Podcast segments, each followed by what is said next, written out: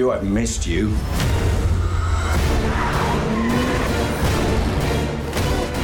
Nije vreme za umiranje, samo u bioskopima. Ćao svima, dobro došli u nove izdanje Lab 76, broj 141 i dobrodošli u pripreme za Rodeo Drive na velikoj nagradi Sjedinjih američkih država u Formuli 1 na čuvenoj stazi Amerika, pokraj Ostina, pokraj glavnog grada države Teksas u Sjedinim američkim državama.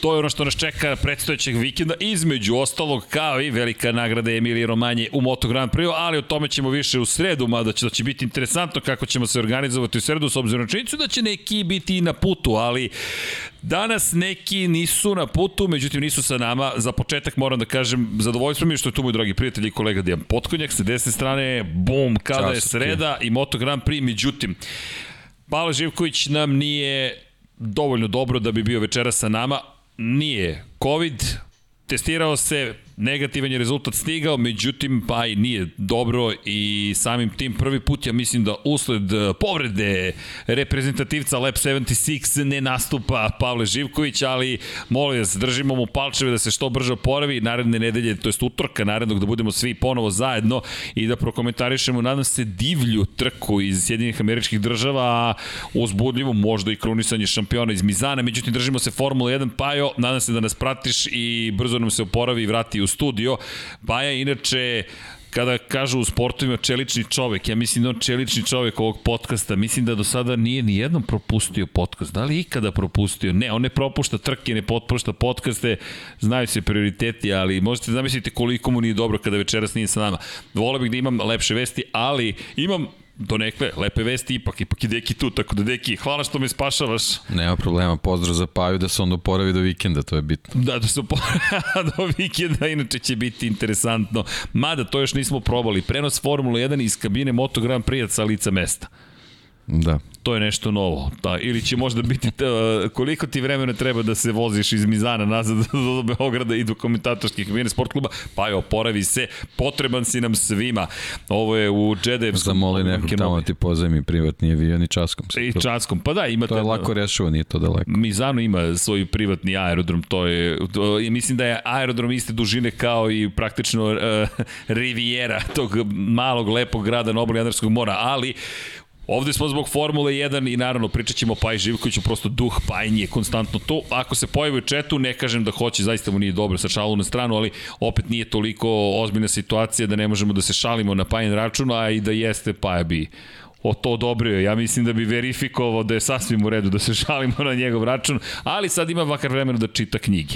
Tako, a kada se već kod knjiga, pa pročitajte, viš kako se samo namestilo crveno i crno, Šumacher, možete da nabavite knjigu, opet Dejana Potkonjaka, našeg dragog prijatelja i kolege, u izdanju Infinity Lighthouse, naša prva knjiga, shop.infinitylighthouse.com i pročitajte ovo malo remek delo, malo samo za, iz perspektive dimenzija, ali remek delo o Schumacheru, pa eto, nadam se da ćete uživati. Prva knjiga iz edicije Lab 76, ne i poslednja, ali još je rano, još nije vreme za knjige, no time to read the books trenutno, bit će vreme, šalim se, čitajte knjige, a potrudit ću se uvod da bude kraći nego to smo danas zaključili snimajući specijal u Jamesu Bondu da su nam uvodi kao sek, uvodne sekvence u Bondu.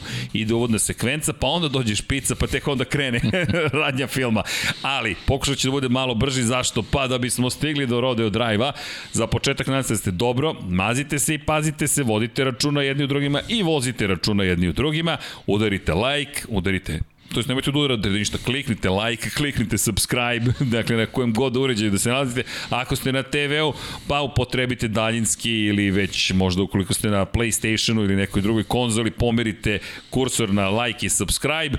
Zašto? Pa nama je to lepo i zabavno, a raspoloženje na nivou Mesec je oktobar, vodite računa devojke, pre svega mesec je i podizanje svesti i borbe protiv raka dojke, rana detekcija može i tekako da pomogne u prevenciji onih, nažalost, najgorih stvari, ali koja god da je faza što se ranije otkrije, to je bolje i zajedno možemo mnogo toga da postignemo. I ne samo kada je reč o raku dojke, bilo koja druga opaka bolest ovoga tipa, prosto prekontrolišemo se, živimo u tim anksioznim, kažem, vremenima, ali zato je tu Formula 1, zato je tu Lab 76, 99 yardi kosmos i tako dalje. Zato su tu naši Patreoni, kasnije ćemo pročitati ih svih 60 imena, ali evo Ivan Toškov na vezu ovde s obzirom na činjenicu da je u studiju jedan od naših pokrovitelja i evo mašemo cela ekipa, pa ti isto negde sigurno maše, samo da znaš.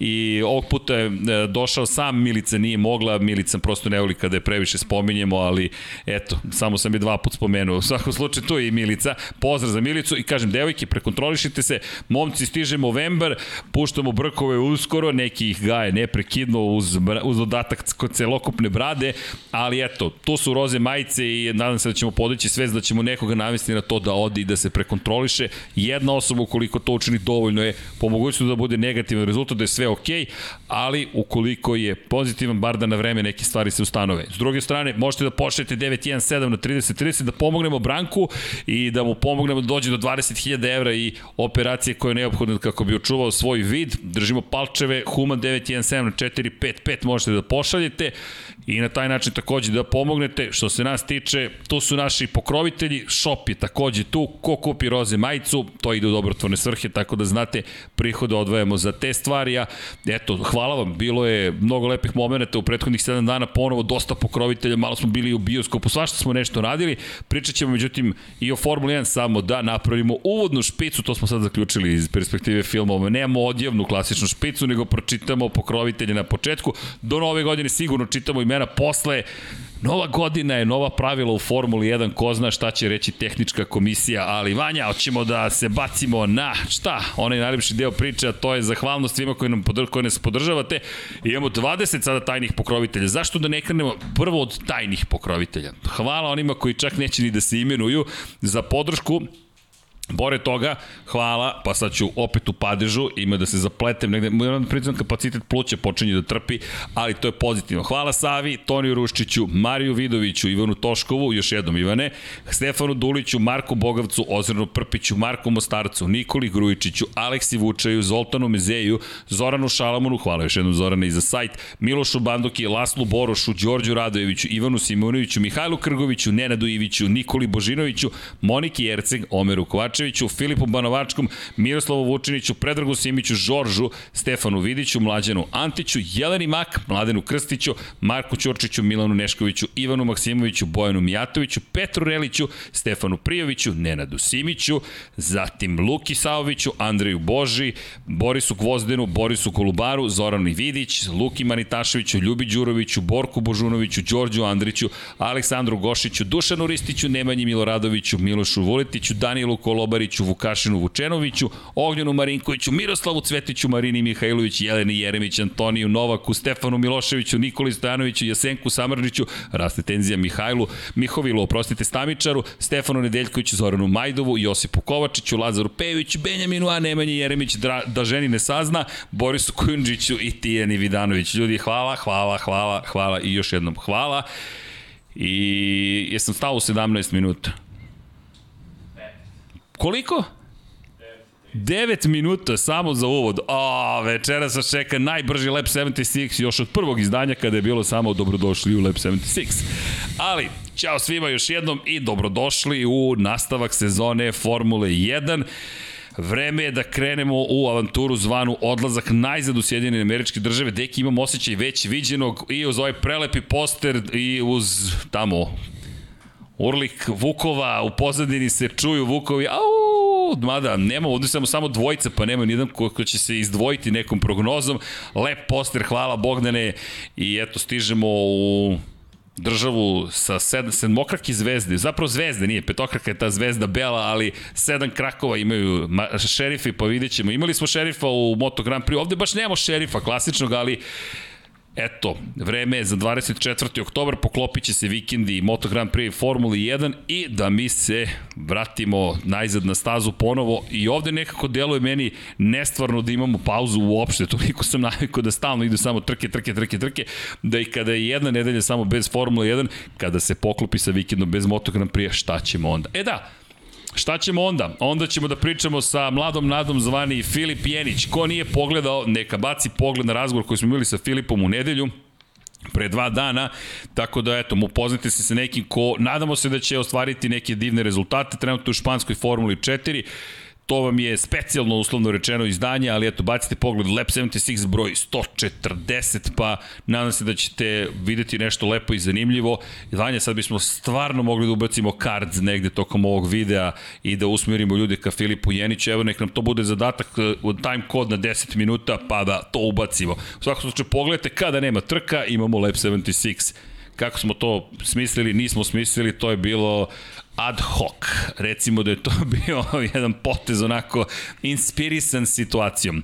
A, da vidimo koga, ko, ko će biti inspirisan. Ljudi, čeka nas velika nagrada Sjedinjenih američkih 17. runda i deki, vraćamo se najzad na američko tlo iz perspektive toga da je zaista pravi šampionat sveta nekako kao i u Moto Grand Prix taj lep osjećaj, odosmo preko velike bare, neka doza normalnosti, ukoliko smem da upotrebim tu reč, i početak nekako kraja. Posle toga Mexico City, Sao Paulo, i to bukvalno velika nagrada Sao Paulo, tako se zove, potpis je, tako nije velika nagrada Brazila, ali to moram da provjerim još jednom, velika nagrada Katara, velika nagrada Saudijske Arabije, velika nagrada Abu Dabija i uz ove Sjedinjene američke države, šest trka do kraja. U ovom momentu Max Verstappen na poziciji broj 1 u prvenstvu sveta, minimalna prednost, minimalna, bila je manja, 6 poena odnosno na Luisa Hamiltonu u Mercedesu, Max Verstappen u Red Bullu i naravno da se nastavlja bitka od njih dvojce i da li ćemo ih ponovo najzad videti kako vode duele u Rusiji, jesu bili na pozicijama 1 i 2, ali nekako od Holandije, rekao bih, ponovo nismo imali baš taj duel na stazi, tamo je taktika presudila zapravo kvalifikacije nekako kao da su odnele prevagu, pre toga Belgija koju ne znam ni kako da posmatramo, pa incident na Mađarska, incident na Velika Britanija, pa dominacija u Austriji i Štajerskoj i onda Francuska. Francuska, Holandija i da li Amerika donosi ponovo taj duel najzad na stazi i ono ključno pitanje, na šta će da liči deki ova staza i kako će to da utiče na njih?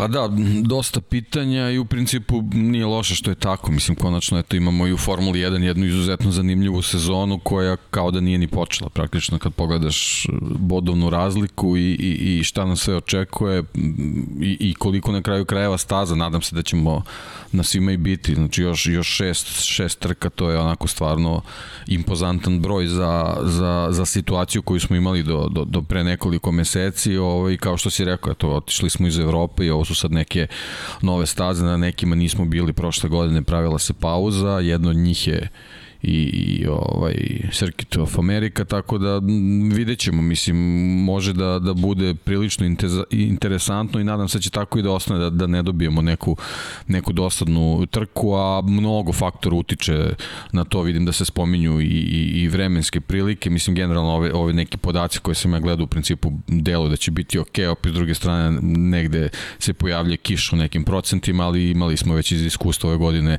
jednu situacije da, da jednostavno ne trebamo da se ostanemo na to, nego da sačekamo da imamo šta donose određeni dani pa da, da se da se tako da se tako i postavljamo ali mnogo mnogo je parametara koji koji utiču na rezultate u u Teksasu ovaj a između ostalo kao što si rekao to je ta to stanje generalno generalno staze Mi smo pritom u prethodnim te, u prethodnim dve trke videli da dvojca glavnih protagonista imaju nove motore, tako da ne razmišljamo toliko o pouzdanosti, iako će se o tome još pričati.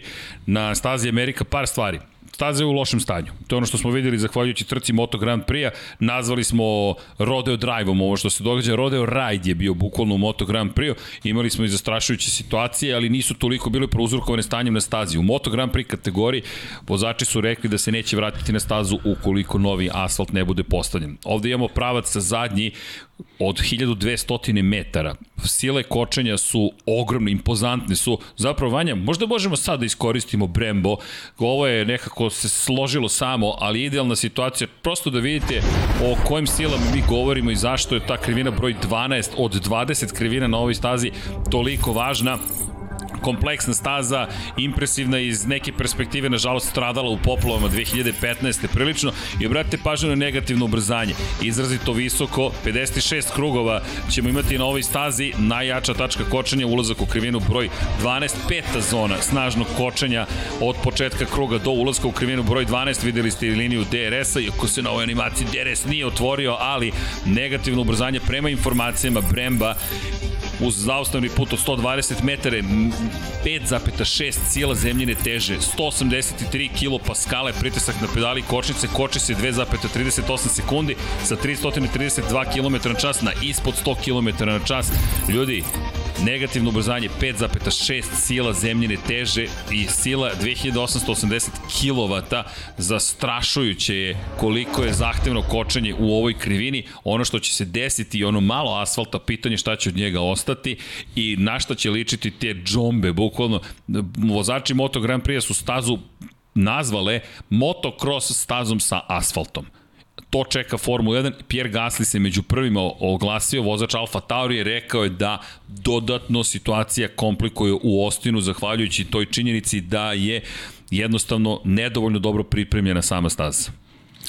2019. smo imali onu, onu misterioznu situaciju sa, sa pucanjem ogibljenja kod Sebastina Fetela, u stvari kvar, kvar na ogibljenju kod, kod, kod Fetela na, na Ferrariju, gde ni on nije, nije bio potpuno siguran šta se, šta se tačno uh, dogodilo, a Leclerc je dobio informaciju da izbegava Ivičnjak u krivini 8, tako da to je, bila, to je bila neka informacija, međutim nekako kasnije se ispostavilo verovatno nekom analizom telemetrije da, da je u principu te, te silne neravnine generalno na, na, na krugu su, su bili uzrok ti, tih problema koje Ferrari ima, oni su bili nekako izdvojen slučaj u tom trenutku, ali ta, staza i tad bila neravna. I ona je generalno neravna pre svega zbog tog tla kako je, kako je na, na, na mestu gde, gde je staza napravljena, dodatni su problem verovatno izazvali one poplave koje da, su... Da, 2015. je uništen je. sistem drenaže tako i je. imamo situaciju gde, gde je vraćena praktično, zapravo vraćena, uništena do te mere da liče na neku stazu iz neke druge ere, nekog drugog vremena,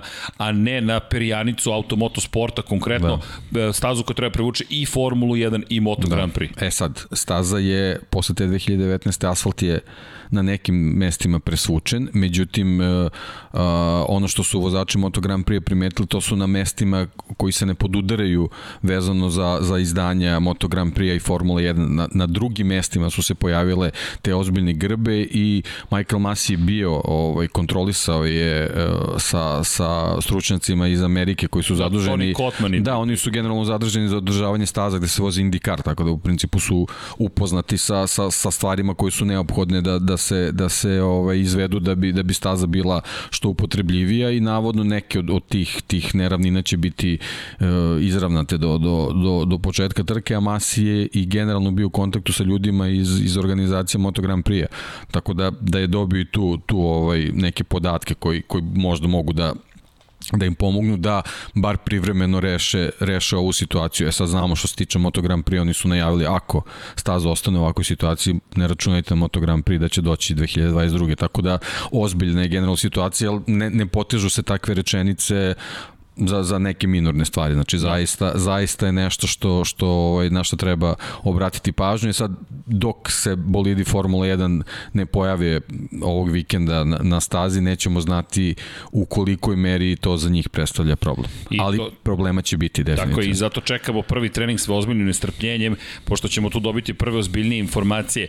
Par stvari. Trka će sigurno biti održana. Ma naravno, Stanje staze absolutno. nije tako loše da se ne održi. Prosto, pogotovo ne trka Formula 1, pogotovo ne posle dve godine pauze u SAD, pogotovo što naredne godine u Floridu se dolazimo, da imaćemo veliku nagradu Majamija, priča se sve više o velikoj nagradi Las Vegasa, Liberty Media, američka kompanija koja upravlja Formulu 1, želi. to je ključno. ključno to je ključno, znači biće trke. Tako je, biće trke. Absolutno. Ovako ili onako trke će biti. E sada, šta ćemo mi naučiti tokom te trke, to je nešto drugo. Ukoliko se i Formula 1 pobedi, o, pobe, pobuni, oprostite, pobedit će svakako sport, ali činjenica je da će u tom momentu e, stvari dobiti još ozbiljniju konotaciju i verujem da će onda biti potpunosti promenjena staza, jer ukoliko i Moto Grand Prix i Formula 1 kažu ovo nije prihvatljivo, očekujte novi asfalt. Međutim, do tada mi imamo trku na starom asfaltu i to ključno pitanje. Red Bull protiv Mercedesa Max Verstappen protiv Luisa Hamiltona. Još samo šest trka do kraja i ove hibridne ere.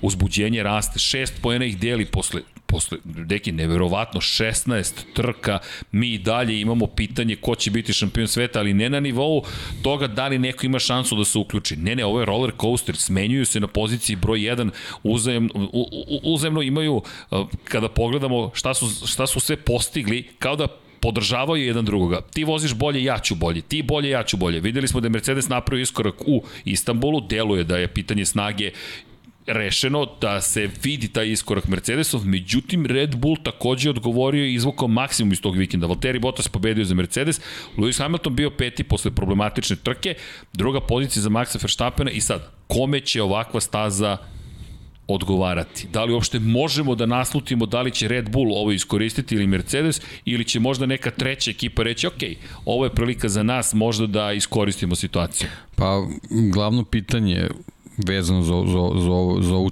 analizu koju si dao je šta se to dogodilo sa Mercedesom u stvari. Znači, odakle je stiglo to, to poboljšanje u rezultatima krugova. Dalje, dalje čisto poboljšanje vezano za, za brzinu, za, ne, za neku suvu brzinu ili je generalno uh, aero poboljšanje, tačnije taj čitav paket doprine o tome da, da, da Mercedes bude brži. Znamo da kad se kod Red Bulla desilo to poboljšanje, pre svega mislim na trku u Francuskoj i ono obilaženje Maxovo, ovaj, znamo da, da, da, je, da je Red Bull generalno nevezano za krilo, zadnje krilo, imao kompletnu aerodinamičku sliku, da kažem tako, bolida mnogo bolju i zbog toga se desilo to poboljšanje u brzini, čak su tad iz, iz Mercedesa, čini mi se, bile su, uh, bile su izjave da oni koriste takvo krilo, jednostavno bi gubili na drugim mestima, nevezano za, za yes. čistu brzinu na, na pravcima, tako je, tako da, da njima to krilo apsolutno ne bi pomoglo. Sad ovde samo bila, bila situacija, naravno su iz Red Bulla to analizirali šta se desilo da, da je Mercedes odjednom toliko dobar, jednostavno došli su do zaključka da nije stvar samo u čistoj brzini, nego jednostavno moraju da dokuče uh, gde je gde je ovaj u kojim aspektima je Mercedes uspeo da da poboljša aerodinamiku i da verovatno uz uz povećanje snage motora još nešto uradi da da taj bolid u tom trenutku bude toliko dobar to jest u ovom trenutku a to će biti izuzetno važno u Americi pre svega zbog konfiguracije staze i ovoga što smo videli upravo ovog mesta uh, naj najsnažniju tačku kočenja koja dolazi posle posle dugačkog pravca gde će se stvari i DRS sezone će se videti da brzina A ima još jedna tu stvar. Šta je Red Bull postigao zajedno sa Hondom kada su uveli drugu, zapravo iteraciju, drugu, da kažemo, drugu verziju, evoluciju motora. Desilo se da je Honda potvrdila da je sada mnogo pouzdanija. To isto može da se desi i kod Mercedesa. Mercedes je uveo novi četvrti motor sa unutrašnjim sagorevanjem. U toj situaciji, ukoliko računate da će biti pouzdaniji, dozvoljavate možda veći broj obrtaja, dozvoljavate prosto da, da kalorijska vrednost onoga što sagorevate bude veća i dobijete veću snagu. To je samo da. pretpostavka. Da, to, je, to je samo pretpostavka i ono što nam u principu najviše smeta i što dosta često i, i potenciramo, to su te stvari gde ti sa grida u stvari imaš mogućnost da kontrolišeš snagu motora motora u, u bolidu, da, da taj, to pravilo ne postoji, bilo bi nam mnogo lakše i mnogo jednostavnije da, da pratimo iz naše perspektive i da dokučimo neke stvari vezane za, za, za potencijale bolida u određenom trenutku. Ovo će biti iz moje perspektive zaista fenomenalna stvar. Ako pogledamo konfiguracije stvar, sam iz naše perspektive, prosto kada pogledate konfiguraciju, prvi deo staze, u, za razliku od Moto Grand Prix u Formula 1 delimo na, na 3. Praktično Evo ovde može da se vidi, ali ok, to baš nije idealno. Prva krivina, idemo uzbrdo, oštra krivina je u levo, spuštamo se nizbrdo, brza krivina u desno i onda počinje nešto što je inspirisano Meggetts Beckett Chapel krivinama.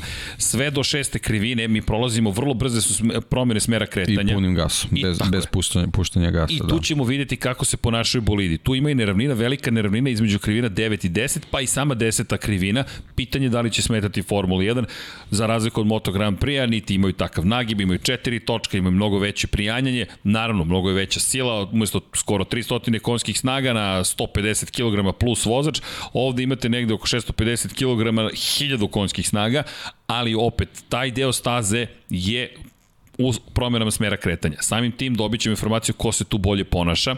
Tu možda Možda, vidjet ćemo, možda čak i Ferrari, možemo čekamo, mada Ferrari mislim u trećem sektoru će biti opasan. I onda dolazimo do krivine broj 11, oštra krivina, dugačak pravac. Tu ćemo vidjeti maksimalne brzine, verovatno kod slabijih bolida da budu najveće, tu nadoknađuju nedostatak prosto prijanjanja u krivinama. Haas, možda ponovo Williams, vidimo Alfa Romeo gotovo sigurno, Haas i Alfa Romeo ceni da će tu biti pri vrhu i onda dolazimo u taj treći sektor gde imamo nešto što je suštinski jedna krivina, to je zanimljivo. U Turskoj smo krivinu 8 sa divljenjem gledali jer ima četiri temena. Levo, levo, levo, levo i imate izlaz koji vas dovodi do skoro 300 km na čas kasnije. Ovde, od krivine broj 15, imamo desno, desno, desno, ali se računa kao tri krivine. U Turskoj ne biste imali 20 krivina, već 17, ovde ih imamo 20, ali taj segment mi je vrlo zanimljiv i to ćemo moći da uporedimo Red Bull i Mercedes i sada to pitanje tajni, neću reći sastojak se vratio na prethodnoj trci, ali Deki, Red Bull je bio možda slabiji, ali je takođe bio ponovo ojačan u, da. u njihovim redovima, to ono što si ti lepo primetio, nekoga ponovo ima. Da, da, Adrian Nju je ponovo u, u ekipi, oporavlja se posle svoje teške povrede, teške čak je pao bicikla. bicikla da, je pao, da. Da, ovaj, baš, je, baš je bilo onako nezgodno i dugo je trajao taj oporavak i, i, i Christian Horner je, je sam rekao posle trke u Turskoj da, da se tu već video pomak u, u ovaj, u pojavljivanju Njuja koji je eto nekako praktično pratio on verovatno sve šta se dešavalo, ali drugo je kad si na stazi, drugo je kad, kad, kad na, na drugi način moraš da, da, da pomažeš ekipi, on je kaže već tamo sa, sa nekoliko saveta u jako kratkom vremenu uspeo da, da pomogne ekipi u, u, u pripremi setapa automobila i da u određenim trenucima otkriješ gde je, gde je problem u samoj pripremi, e, što je Red Bullu pomoglo da se da, da bude mnogo bliži e, Mercedesu sa, sa performansama vezano za, za trku Turska. Videli smo da, da nije baš da se nisu mučili. Tako da ovaj sad u, u punoj snazi imamo i Njuja ovaj, u boksu uh, Red Bulla, tako da što se tiče Kristijana Hornera, ogromna pomoć je stigla.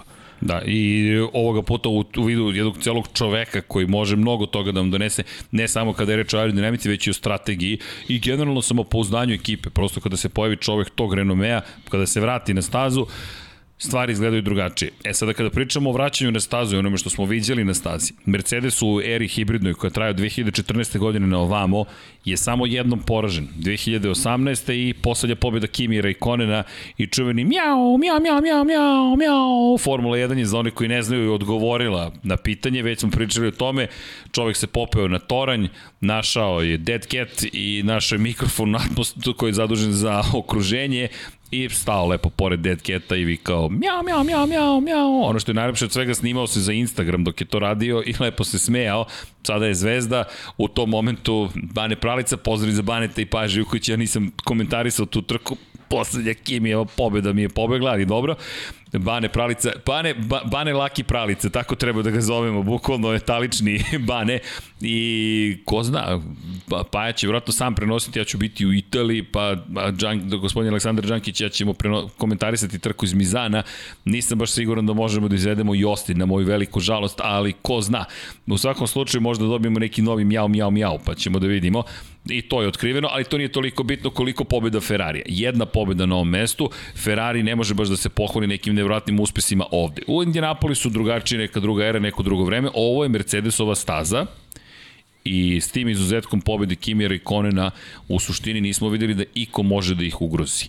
Tako da je ovo veliki test i za Mercedes i za Red Bull od trivialnih stvari, poslednje dve pobjede, dva finca. Valtteri Bottas pre dve godine, pre tri godine Kimi Raikkonen.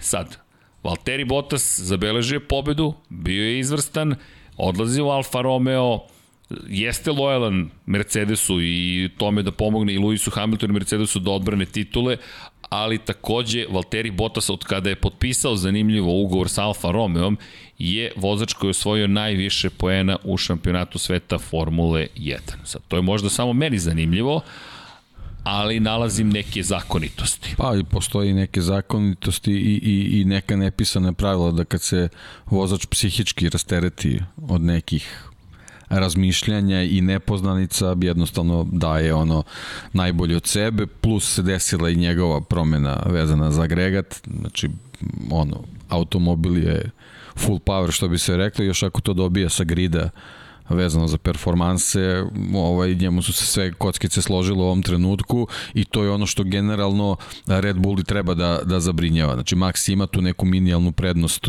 minimalnu prednost u, u šampionatu vezano za poene, ali ne može da to posmatra samo u odnosu na Luisa Hamiltona, već mora da, da sada prati i Valterija Bottasa što opet do, dovodi do nestalne priče vezane za drugog vozača Red Bulla koji, koji jednostavno mora, mora da bude na, na nivou ove pomenute trojice vozača, naravno mislim na Serhije Perez. Da, priča se vrti u krug. Kada pričamo o Serhiju U krug, Perezu, naravno, u krug ista priča baš, svaki put. Baš da. u krug. Ono što je zanimljivo, poslednji put kada je vožen ovde, nije prošao Q3 deo, Q1 deo kvalifikacije. U Racing Pointu u to vreme bio Sergio Perez i u samoj trci došao je do jednog poena, opet loše kvali... zvuči poznato, modus operandi, loše kvalifikacije, dobra trka. Jedan poen tada za Racing Point, jedan jedini poen.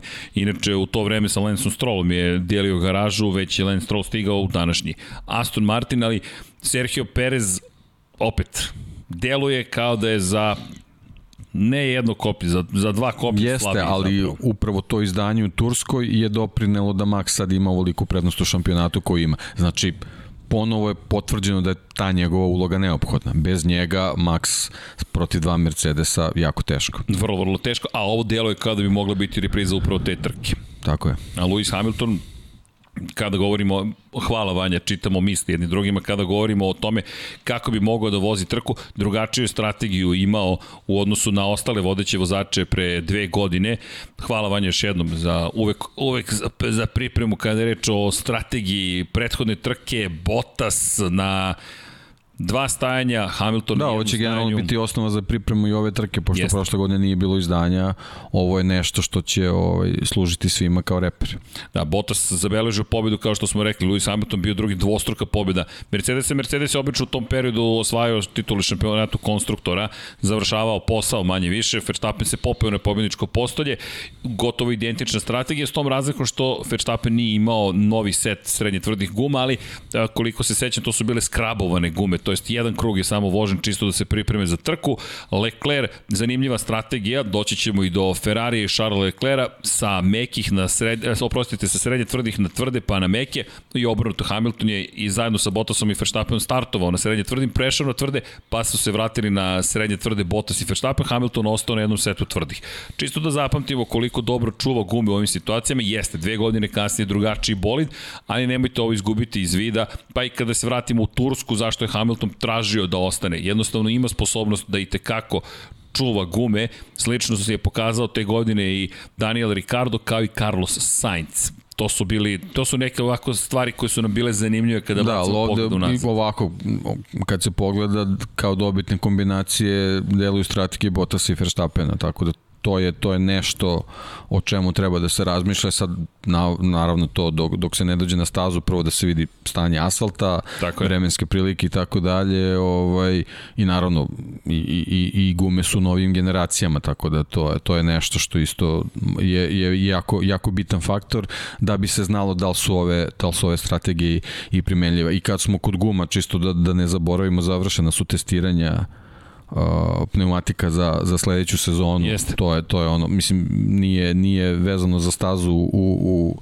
u Teksasu, ali eto, generalno i Pirelli je praktično spreman za, za sledeću sezonu, preko 20.000 km testnih je, je, je voženo i, i poslednja simulacija Alpina je dobila priliku i Daniel Kvjat ovaj, u, u bolidu koji otprilike simulira naravno nije, nije bolid za 2022. nego bolid koji simulira uh, aerodinamiku bolida za, za, sledeću, za sledeću sezonu. Vozili su na Paul Ricaru u, u kišnim uslovima zelen, zeleni, zeleni set, znači intermediate gume. To ono što smo vidjeli Tako u. Turskoj, da.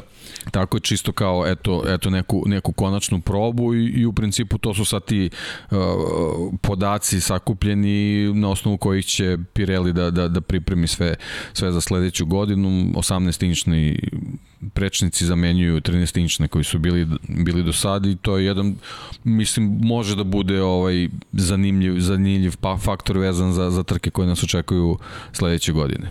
15 vozača, čini mi se od aktuelnih vozača koji su na gridu su isprobali te gume, sve ekipe osim Williamsa, tako da dosta je tu podataka prikupljeno i, i eto, mislim da, da, da Pirelli sad ima ovaj, dovoljno vremena da se pripremi za sledeću godinu. već uveliko. A sledeća godina opet kalendar novi, sad i tu ima ima dosta dosta informacija vezano za tu priču. Ali tu su se promenile stvari već sada, kalendar da. je već promenjen od onoga što da. smo inicijalno saopštili, ali doći ćemo i do toga kada pogledate pripreme su to što smo pričali, ko će se orijentisati za narednu sezonu. Delo je da je Ferrari već sada počeo pripreme za 2022. i da se nada da će to zapravo doneti neophodan napredak. S druge strane, kada posmatramo ovu sezonu, sa izuzetkom dva vodeća tima, dakle i bitke Verstappen, Hamilton. E, ali čekaj, koji ti je, koji ti je utisak? E, prosto to je, imam, imam osjećaj kao da toliko već traje njihov duel i toliko je teško bilo šta reći šest trka pre kraja, da će takva tenzija biti na završnoj trci sezone, da kao da, a ok, Verstappen protiv Hamiltona konstatovano, ali deki, ja imam neki osjećaj da će ovo biti mega uzbudljiv vikend. Moram ti predstaviti kada sam dolazio, pošto smo već nešto snimali, pa sam izlazio, pa se vraćao i razmišljam, čoveče, idemo u Ameriku, idemo u Kotu, koliko god da staza nam nije dala previše možda preticanje ili uzbuđenje. Imam neki osjećaj da će biti Ma mora, mora da bude upravo ovo što sam, što sam i rekao vezano za, za tu, tu neku, neku istoriju Mercedesa koju, koju si i navaju i generalno trenutnu formu Bottasa, znači od Maxa se očekuje na, na nekom sastanku kao što je prošle godine pri, pričao Silverstone, znači dajte mi sve što imate u, u tom automobilu, on mora da bude u vrhu. I onda pitanje. I znači, to je, iako, da... iako je on lider u ovom trenutku, on, on mora ovde da bude u vrhu, jer, jer jednostavno trenutna konstelacija mu, mu ne daje opciju za, za, za neku drugačiju strategiju, ne, ne, nešto konzervativnije, znači jednostavno full attack. I on ono što, što se postavlja i već se provuklo kroz chat. Pozdrav svima na četru, udrite, u četru, na četru, na četru, na četu, ali udrite like, udrite subscribe, udrite like, pogotovo malo da poguramo kroz algoritam, opet se menja algoritam YouTube-a, to svaki put možete da vidite kada se neke promene dese, ali mi ćemo, nadam se da se menjamo na bolje, pa eto videli ste specijal u nedelju, specijal danas snimljen, bit će u četvrtak, je li tako, Vanja? Četvrtak, četvrtak, dobro, pratite, bit će jedan Jedan vrlo zanimljiv specijal o Bondu i najnovijem filmu. Ja vas molim da pogledate ne zbog brojki, već zato što smo radili neke potpuno nove stvari. I ovde se kuva, nemo baš Adriana Njuja, ali trudimo se. Tako da je to nešto novo smo potpuno radili, malo smo se poigrali. Gospodin 007.1 i 007.6. Da, Paja nam je 0082, on je mlađa generacija, tako da, pazi, ni tu ne može da se brani, tako da je sve okej. Okay. Ali ali, ali, ali. Mislim da će ovo biti fenomenalna trka. Ono što mi je pitanje jeste iz perspektive upravo što si spomenuo, Mercedes je sada uveo četvrti motor. Red Bull jeste uveo zvanično četvrti motor, ali Red Bull ima tri motora. Jedan je u potpunosti uništen na velikoj nagradi Velike Britanije. Se dobro kažem, u četu se provukla i ta tema. Mercedes je kod Valterija Bottasa uveo peti motor u opticaj. Dakle, ne preza od toga da svoje vozače napuni novim motorima. Deluje mi kao dobra strategija. Par stvari koje su se izdvojile u razgovorima Tota Wolfa, šefa ekipe Mercedesa i onome što generalno emituje, uzmite s dozom rezerve sve, sve što se priča. Zašto? Nije za cilj samo da kaže ono što se događa, da nas informiše, već takođe i da nas pomalo dezavuiše. Ne nas koliko protivnike. Zašto? Pa naravno da bi se osvojila titula, ali ono što je pitanje sada da li je to možda bolja taktika, bolja strategija i da li je Mercedes zapravo nešto što mi nije palo na pamet. U Turskoj povukao potez, kazni uslovno rečeno Luisa Hamiltona, sa pol pozicije ga povukao na 11. mesto, došli su do pete pozicije, bila kišna trka, možda su mogli i više, nisu, bili su peti i sada da li opet uvesti negde novi motor i reći ok, pun gas, ova snaga koju očigledno posjedujemo do kraja sezone, nadoknadit ćemo taj jedan još gubitak koji nas čeka. Pa da, ali, ali isto čeka možda i Red Bull i onda su na ovaj način možda malo kompenzovali tu razliku, jer, jer mislim posebno kako se, kako se odvijela e, trka u Turskoj da bi, da bi e, kompletna kazna maksimalna kazna koju je Mercedes mogu da dobije prilično iskomplikovalo trku Lewisu Hamiltonu i veliko je pitanje da li bi, da li bi završio ovde e, gde je završio. Sad, druga je stvar u, u, u kakvom su stanju ostale komponente u pogonskoj, pogonskom sistemu, a, a pre svega mislim e, na, na elemente koji možda mogu da osete, ako, ako su već prilično dotrali, ako mogu da osete e, poteškoće vezane za te neravnine na stazi. Tako da to je možda još jedan, još jedan e, element o, o, o kojem treba voditi računa i zbog toga sam ja pre trke u Turskoj tipovo da će kompletna promena se desi pre trku u, u Americi upravo zbog, zbog te situacije sa stazom. Ali jednostavno kao što nismo znali u kakvom je stanju ovaj, motor sa unutrašnjim sagorevanjem, tako u ovom trenutku ne možemo da saznamo kakvom su stanju ni te ostale, ostale komponente pogonskog sistema koje su takođe pred zamenu. Kada spominješ... To je dotrele, ne pred zamenu, nego jednostavno već, već su sudeći, sudeći s obzirom na, na, na trke koje su prošle da su već pri kraju. Kada pričaš o motoru sa unutrašnjim sagorevanjem, nisu treći, ali se bore za treću poziciju. Ferrari, meni veoma zanimljiv. Ne zaboravimo takođe da je McLaren promenio kod Daniela Ricarda motor, tako da imamo oba Ferrari vozača, i Charles Leclerc i Carlos Sainz s novom pogonskom jedinicom. S druge strane, Daniel Ricardo takođe novi motor u McLarenu. Njihova bitka je fenomenalna. Prosto bitka za treće mesto nije toliko možda važno reći kroz istoriju bili smo treći. Ali taj osjećaj napretka i osjećaj da ste učestvovali u jednoj bici protiv velike ekipe, bilo iz perspektive McLaren, bilo iz perspektive Ferrarija, njih samo 7,5 poena trenutno deli, mislim da je nešto čemu teže. Jer ne možeš da osvojiš titulu, ne možeš da budeš prvi, moraš da budeš najbolji što je moguće dati u situaciji i taj duel Ferrari, McLaren, moram ti priznati da jedva čekam. I da vidimo i Landa Norrisa, videli smo da imao drugačiju strategiju. Inače, ako se vratimo na strategiju iz 2019. godine, Hamilton je imao to jedno stajanje, koji još imao jedno stajanje, samo kratka digresija, imao je čovek koji je osvojio jedan jedini poen, Sergio Perez. I tačno u 24. krugu, prosto pamtimo, taj 24. krug je prešao. Ali to je strategija da osvojite poene, ne za pobedu. To je ono što je Deki rekao. Dva stajanja deluju da će biti potrebne za pobedu. Pogotovo ako uzmemo obzir stanje staze. E sad, Ferrari, McLaren, super, imaće bitku jedni protiv drugih. Da li da li uopšte mogu da se uključe u tu bitku. Za McLaren smo rekli da deluje kao da može da se bori i za pobede, legitimno protiv Mercedesa i Red Bulla. Imamo osjećaj da je Mercedes napravio ponovo iskorak i da to više ne važi za McLaren, da je Red Bull taj koji mora da sustigne, može i hoće sustići Mercedesa, da li će biti bolji, vidjet ćemo, nijanse, a Ferrari nekako mi ostaje dalje nepoznanica. Šta očekivati od Ferrari? Da uopšte možemo da damo neki odgovor? Ja pa, ih... Priprema za trku u Turskoj je bila odlična. To se videlo pre svega kroz izdanje Carlosa Sainca.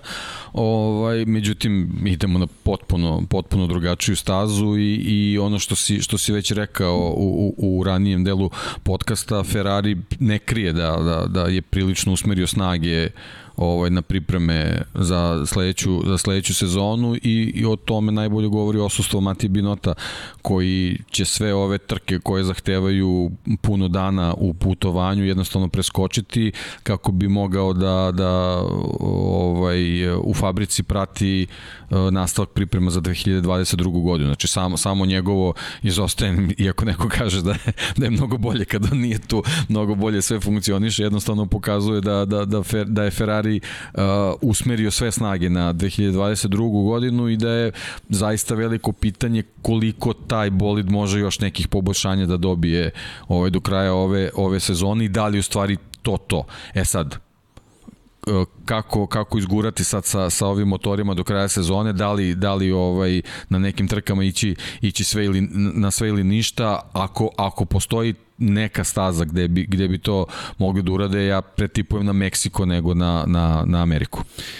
Ok, Meksiko koji nam vrlo brzo dolazi. Tako je. Dakle, vrlo brzo nam dolazi i blizu smo u komšiluku smo uslovno rečeno. Inače, evo nešto, za Ivan Božanić, hvala Ivane koji je donirao u pro 500 dinara. Veliki pozdrav pitanje kako vidite McLaren u trci koliko stajanja očekujete vezano za strategiju. Nadovezuje se bukvalno na ovo što sada pričamo. Inače, pozdravi na podsjetnik, a to je za Filip Dokić koji kaže i Grožan je imao jedno stajanje. Činjenice imao i Grožan, prosto nije došao do bodova, ali da ne zaboravimo da je i Roman Grožan imao to lepo stanje.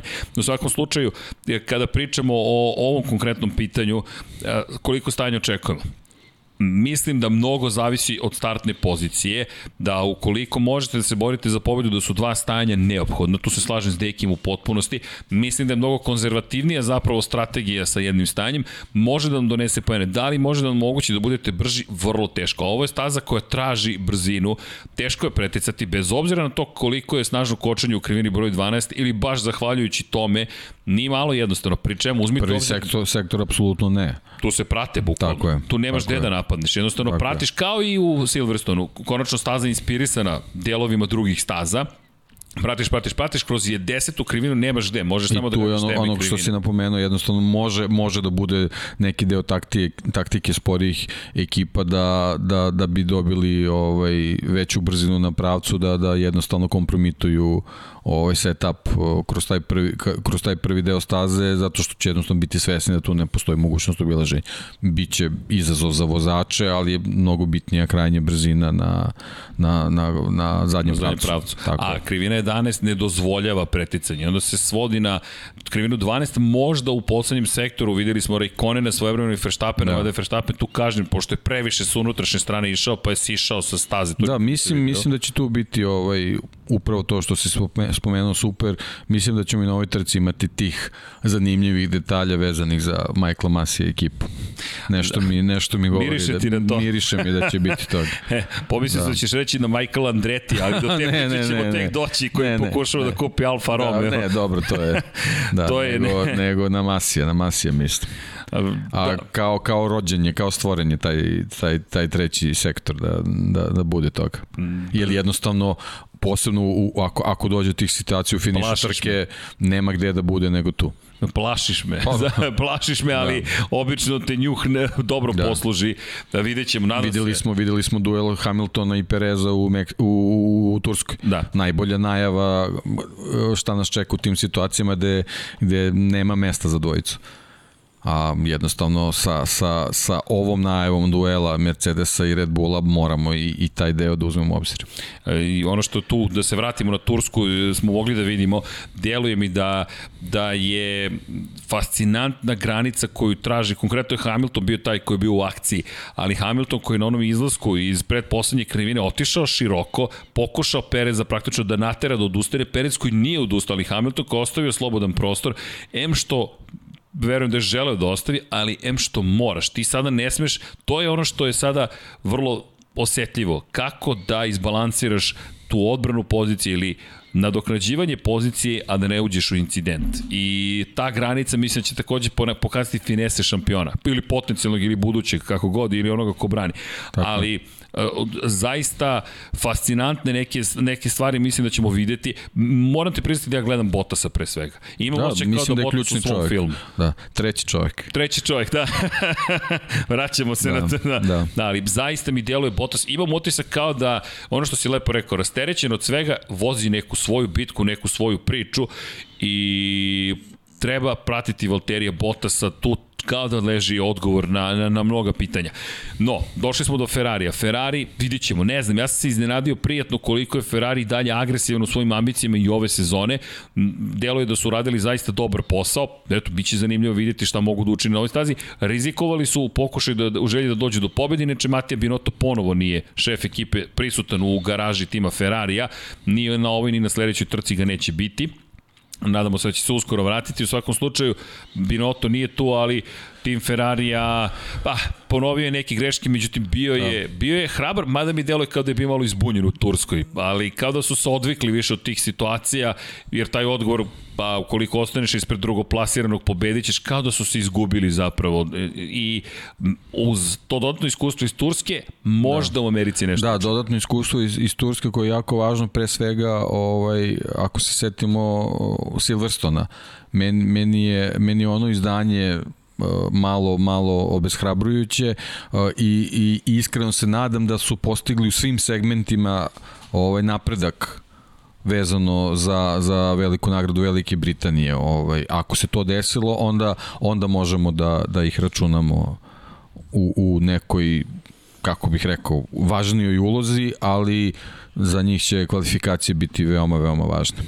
I kada pričamo o tom delu, da kažem, ajde, nije donji dom, srednjeg doma, ekipa koja koja kao da je uvek preskočena nekako i nije Alpina, Alpinu ćemo, pričat ćemo o Alpini, ali Alfa Tauri Deki, sve govorimo kako je trenutak, došlo je vreme da iskoriste sve svoje prilike. Ja ne vidim Alfa Tauri da išta može da iskoristi ove sezone. Ne, ne možemo da ne najavimo Pjera Gaslija kao nekoga ko bi mogao da ostvari dobar rezultat. Pjer Gasli na prethodnoj trci bio šesti na kraju, međutim delovalo opet razočaravajuće nekako. Pjer Gasli deveti u prvenstvu sveta, 74 poena, daleko od toga da su to loši rezultati, ali opet nekako neiskorišćene šanse. Imam osjećaj tek opet kad dođemo u Brazil, kao i kada je prvi put išao na pobjedičko postolju Toro Rosso, da će se stvari složiti zapravo za ekipu Alfa Tauri. Volio bih da nekako kaže nešto pozitivno, ali ja zaista opet mi deluje mi da će biti brzi, brzi, brzi do trke i onda će se opet nešto desiti. Zašto samo osjećaj, ali prosto samo ne bih da ih preskočimo. Imam utisak kao da smo na, sa nam očekivanja baš nekako niska za Alfa Tauri. Ne znam da li deliš moje viđenje Pa stvari. da, nekako su mi onako van, van radara, a, a Bukvalno. nije, nije trebalo tako da bude. Mene jedino to ohrabruje, vidim da je Gasly postao, postao onako malo glasniji i vidim da u nekim intervjuima počinje da priča kako zaslužuje drugu šansu u Red Bullu.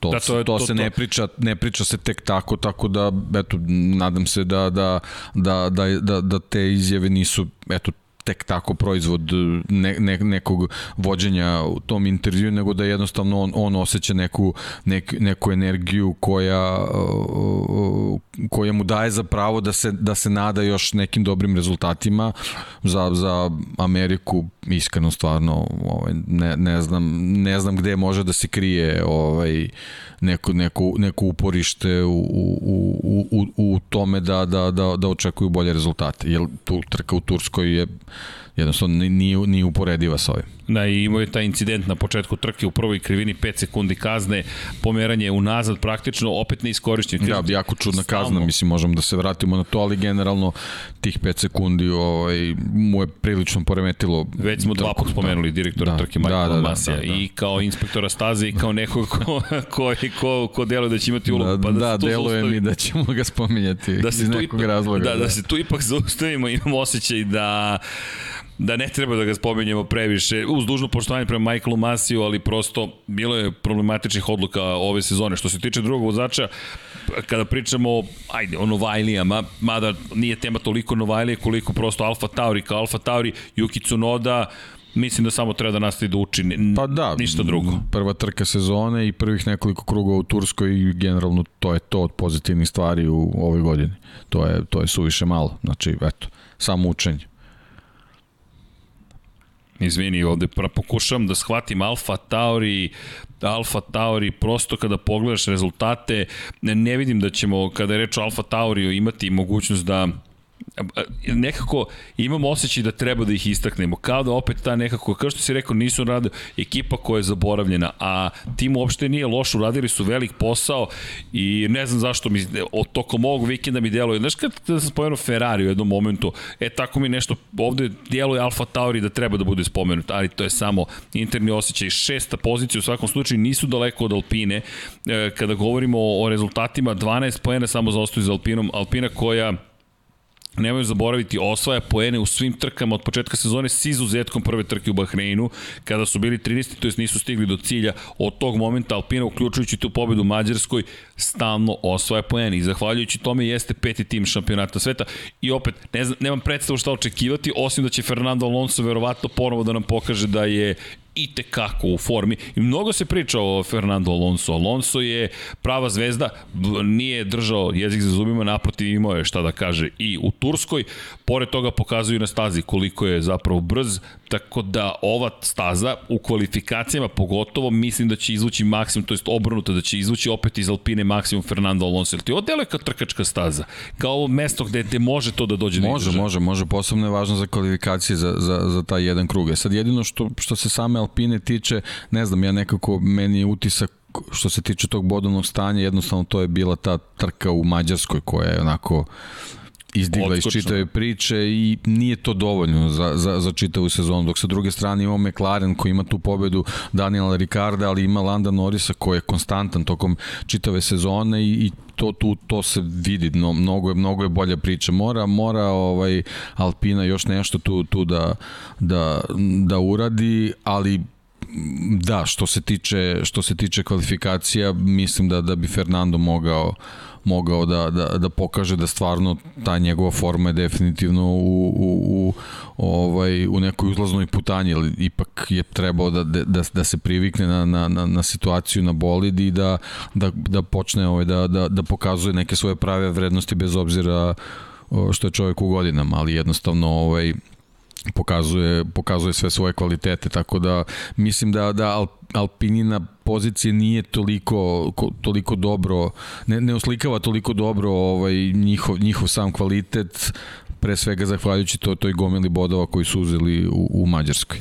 Tako da ne smeju oni da se, da se zavaraju time. Mislim da tu mora još dosta da se radi. E, deluje mi zaista da je Alonso ključ u, u celoj priči, da je Alonso taj koji taj tim je preuzeo, vodi ga, vuče ga sa sobom i kaže, ok, ovo je sada, o, opet imam svoj tim i opet je neverovatno ili je možda baš verovatno zahvaljujući tome što je u nekadašnjem Renaultu, što je kod kući tamo gde je osvojio dve titule šampiona sveta. U svakom slučaju Alonso, ja duboko verujem da će biti veoma brzo u kvalifikacijama, da li će se preneti dalje, Nisam to, siguran. Trka, da. da start, zna da bude prva dobar. krivina, prva krivina može mnogima da, da, da poremeti sve planove. Tako da mislim da, da strategija nije samo ABC, nego da ima tu još slova nekih. Ima ih dosta. Da, ima, ih dosta, dosta, tako da, ovaj, a kažem, ima mnogo faktora od samog stanja staze, od, od vremenskih prilika, od pozicije na startu, od prolaska prve krivine, zaista je, zaista je mnogo elemenata koji moraju da, da, da se prate. Što nas dovodi i do elemenata koji moraju da se prate zvanih šta ćemo sa Aston Martinom i pa ih možemo reći Williamsom. Aston Martin da nemamo, da nemamo priče o Jamesu Bondu, gotovo da ne bismo izgovorili ime Aston Martin, više pričamo o automobilima koje ima u svom filmu nego što pričamo o bolidu Formula 1. Rezultati su previše loši za ono što su ambicije, bukvalno previše su loši za ambicije Aston Martina. Svaka druga trka neki poeni, sada su osvojili dva poena, ukupno 61, dosta zaostali za Alfa Taurim, 20 i, ne, 31 poen za ostatka za Alfa Taurim, s druge strane imaju 38 poena prednosti odnosu na Williams, nisu ugroženi, kao da je možda to i problem. Nismo ugroženi, nikog ne sustižemo i Aston Martin koliko god se trudili, baš mi deluje letargično u ovom trenutku. Možda je to deo plana, nema potrebe ove godine više od ovoga, ali deki sedma ekipa šampionata sveta i rezultati idu naniže od pozicije broj 5 pre samo 5 trka na sedmu poziciju, dve trke kasnije i dve trke kasnije na devetu poziciju. I tu su još srećni što su osvojili Pa da, evidentno je ovaj, e, posebno što smo na početku sezone još pričali vezano, na primjer, konkretno za formu Sebastina Fetela da je potrebna ta neka iskra koja će se desiti, da, da se on podigne na način kao što smo dobili Fernanda Alonso, onda se to desilo u Monte Carlo, pa sledećih nekoliko uh, trka se to vezalo, pa onda ona nesretna diskvalifikacija i tako dalje i tako dalje. Tu je moglo, moglo je tu da bude još nekih poena koji bi možda, možda zavarali tu neku sliku, ali generalno ovaj, i njegovo i izdanje Lensa Strola je očigledno vezano i za, i za performanse automobila i sad je veliko pri, pitanje da li su oni potpunosti fokusirani na 2022. i već znamo dolazak Martina Vitmarša i pričali smo, znači kompletno neko razvijanje te priče, novi aerotunel i tako dalje i tako dalje. Znači punom parom se radi verovatno za 2022. godinu, ali ovo deluje kao neko onako odustajanje od, od ove sezone. Sad, da li Aston Martin zaista toliko dobar sa budžetima da njima pozicija u, u, u plasmanu konstruktora nije toliko bitna i, i, ta novčana nagrada koja se dobija za to, jednostavno ne znamo, to je već stvar njihove taktike, ali meni jednostavno deluje da ovaj automobil nema, nema nekog, nekog napretka i, i, i, i neke evolucije jednostavno tako izgleda. Pa stiče se utisak da, da su odustali do ove sezone. Jednostavno, jednostavno su dobri plasmani, samo stvar uh, raspleta u trci, a ne, ne, ne do njihovih izdanja. Aston Martin je mnogo investirao ove godine i nove fabrike su otvorene i mnogo toga se događa što je da kažemo sastavni deo priče o budućnosti, ali sadašnjost baš smo utiska da je potpuno žrtvovana. Ne, nema šta da mogu da se doda. Čekamo Sebastijana Fetela da se povremeno pojavi, da vidimo te bljeske, briljantnosti koje je pokazivao. Nemojmo zaboraviti, ili ti to ne smemo da zaboravimo, a to je zapravo da Inače, to nije bilo planirano, sasvim slučajno, ali činjenice da kada govorimo o ovoj stazi, jeste zabeležio pobedu i to u Red Bull Renault davne 2013. godine. Red Bull od onda nije zabeležio triumf na ovoj stazi, nije baš da je ovo Red Bullova staza, čak i u eri e, o kojoj pričamo nisu imali mogućnost da se dokažu, a i kada smo stigli na ovu stazu 2012. Lewis Hamilton je slavio McLaren Mercedesu čisto da se podsjetimo i na taj period. Dakle, u McLaren Mercedesu je Lewis Hamilton ovde pobedio. Kada smo prvi put vozili u Koti, sledeće godine u onoj ultra dominantnoj sezoni i ultra dominantnoj seriji pobeda je uspeo Sebastian Vettel da zabeleži triumf. I onda Mercedes, Mercedes, Mercedes, Mercedes, jedno Ferrari, ponovo Mercedes. Ali okej, okay, Sebastian Vettel nisam siguran da, da ćemo vidjeti neko spektakularno izdanje, čekamo u 2022. Gotovo, kao što si rekao, da odustajemo polako, ali ok, uvek zabavna priča pratiti prosto šta se događa sa Aston Martinom. Međutim, mnogo zabavnija mi je priča o Williamsu. Williams koji je najzad ličio na sebe. Imam osjećaj da su podbacili po kiši. Videli smo da je šansu imao George Russell na prethodnoj trci da ponovo uđe u Q3. To se sada već očekuje od Georgea Russella i posle par trka u kojima su osvajali poene, 15. to je 17. i George Russell i Nikolas Latifi.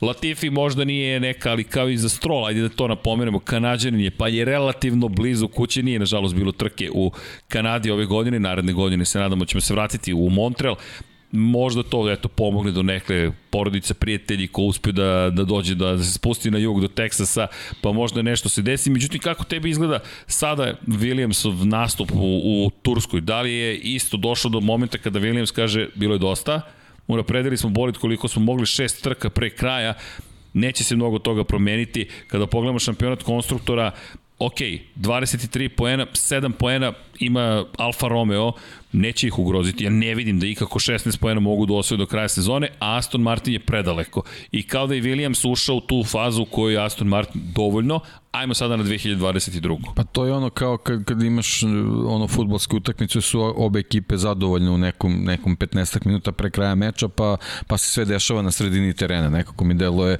da je to na, na taj način. Znači utakmica mora da se odigra, ali opet ajde da pazimo se neko ne povedi i da ne ulazimo u neke rizične situacije. Tako da moguće da to deluje uh, da, da ta priča u stvari pije vodu i, i, i kod Williamsa i Aston Martina, samo što ovde se to malo meri sa, sa potrošnjom veće količine novca, tako da Williams ipak nije u situaciji kao što je Aston Martin, tako da, da ovaj njima sa, sa druge strane to, to, to odgovara ovaj stanje gde, kao što si rekao, jednostavno su ono, suviše su velike, velike bodovne razlike da bi oni sad tu nešto pretrano rizikovali ili ne mogu da, da napreduju sa, sa svog mesta, a opet s druge strane oni su neke ciljeve vezano za, za rezultate na trkama ove godine ostvarili, a ove godine bilo ključno sa osvoj bodovi. A znaš šta mi je zanimljivo? E, Doralton Capital kao vlasnik je američka kompanija i rekli su Williamsu da planiraju da im ovo bude druga domaća trka tokom sezone. Naravno, Velika Britanija tradicionalno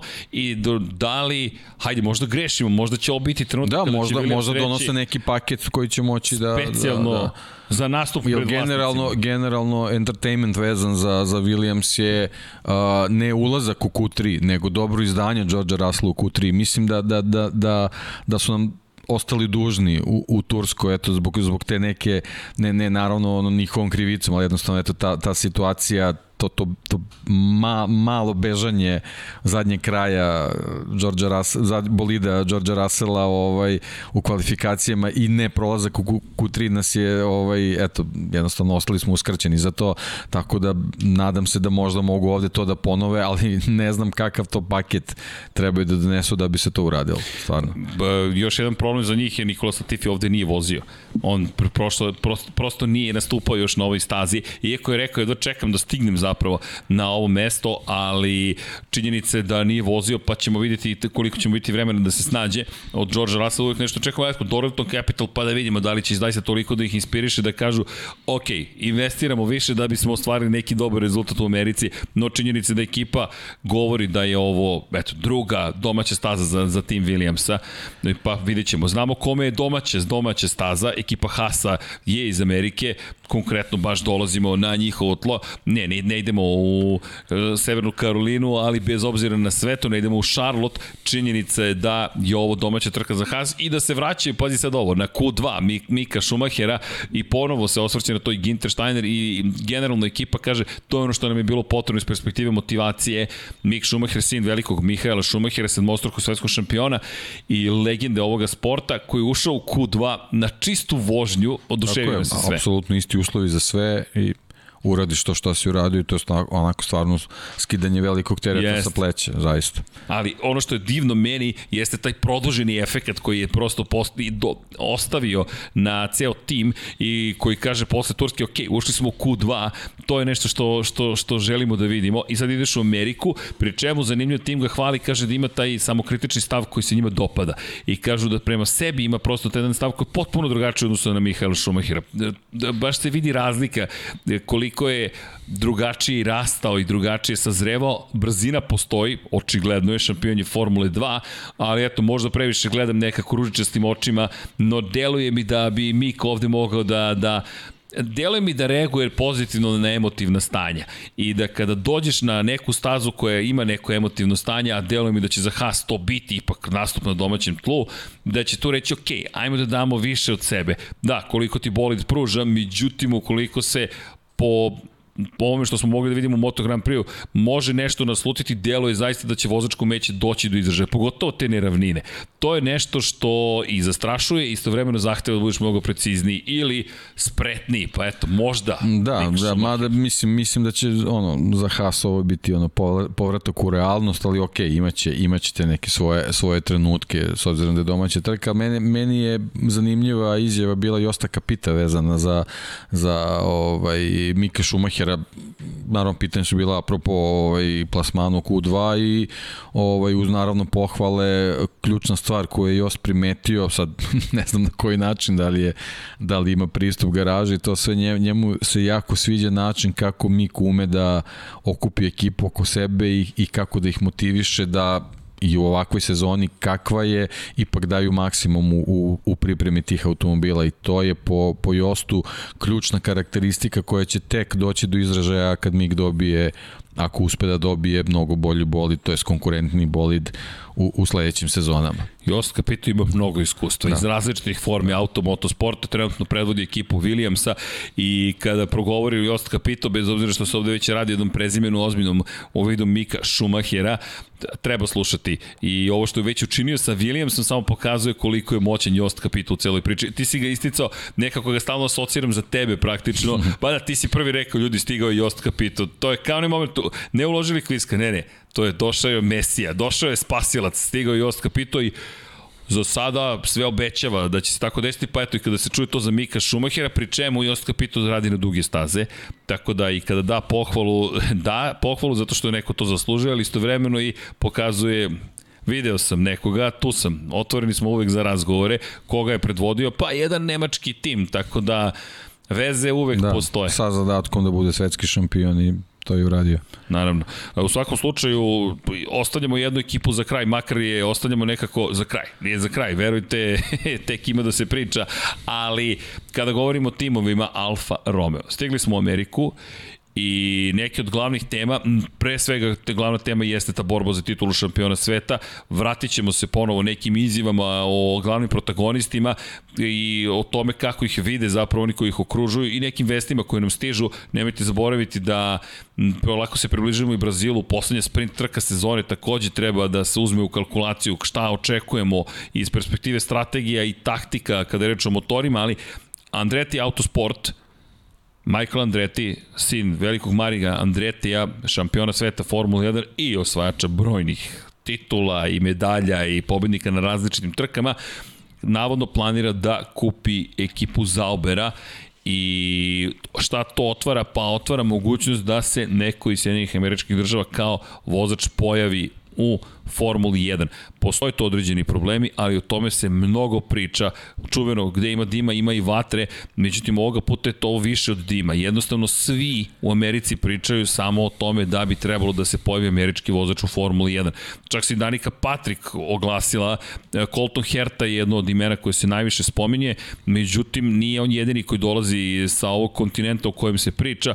Vidjet ćemo, u svakom slučaju da krenemo od Coltona Herta i te priče o Andretiju. Deki, ovo se sada, ovo već ozbiljno zahuktava. Meni se čini da je porodica Andreti rešila da, da uđe ponovo u, u Formulu 1, ovoga puta na malo drugačiji način.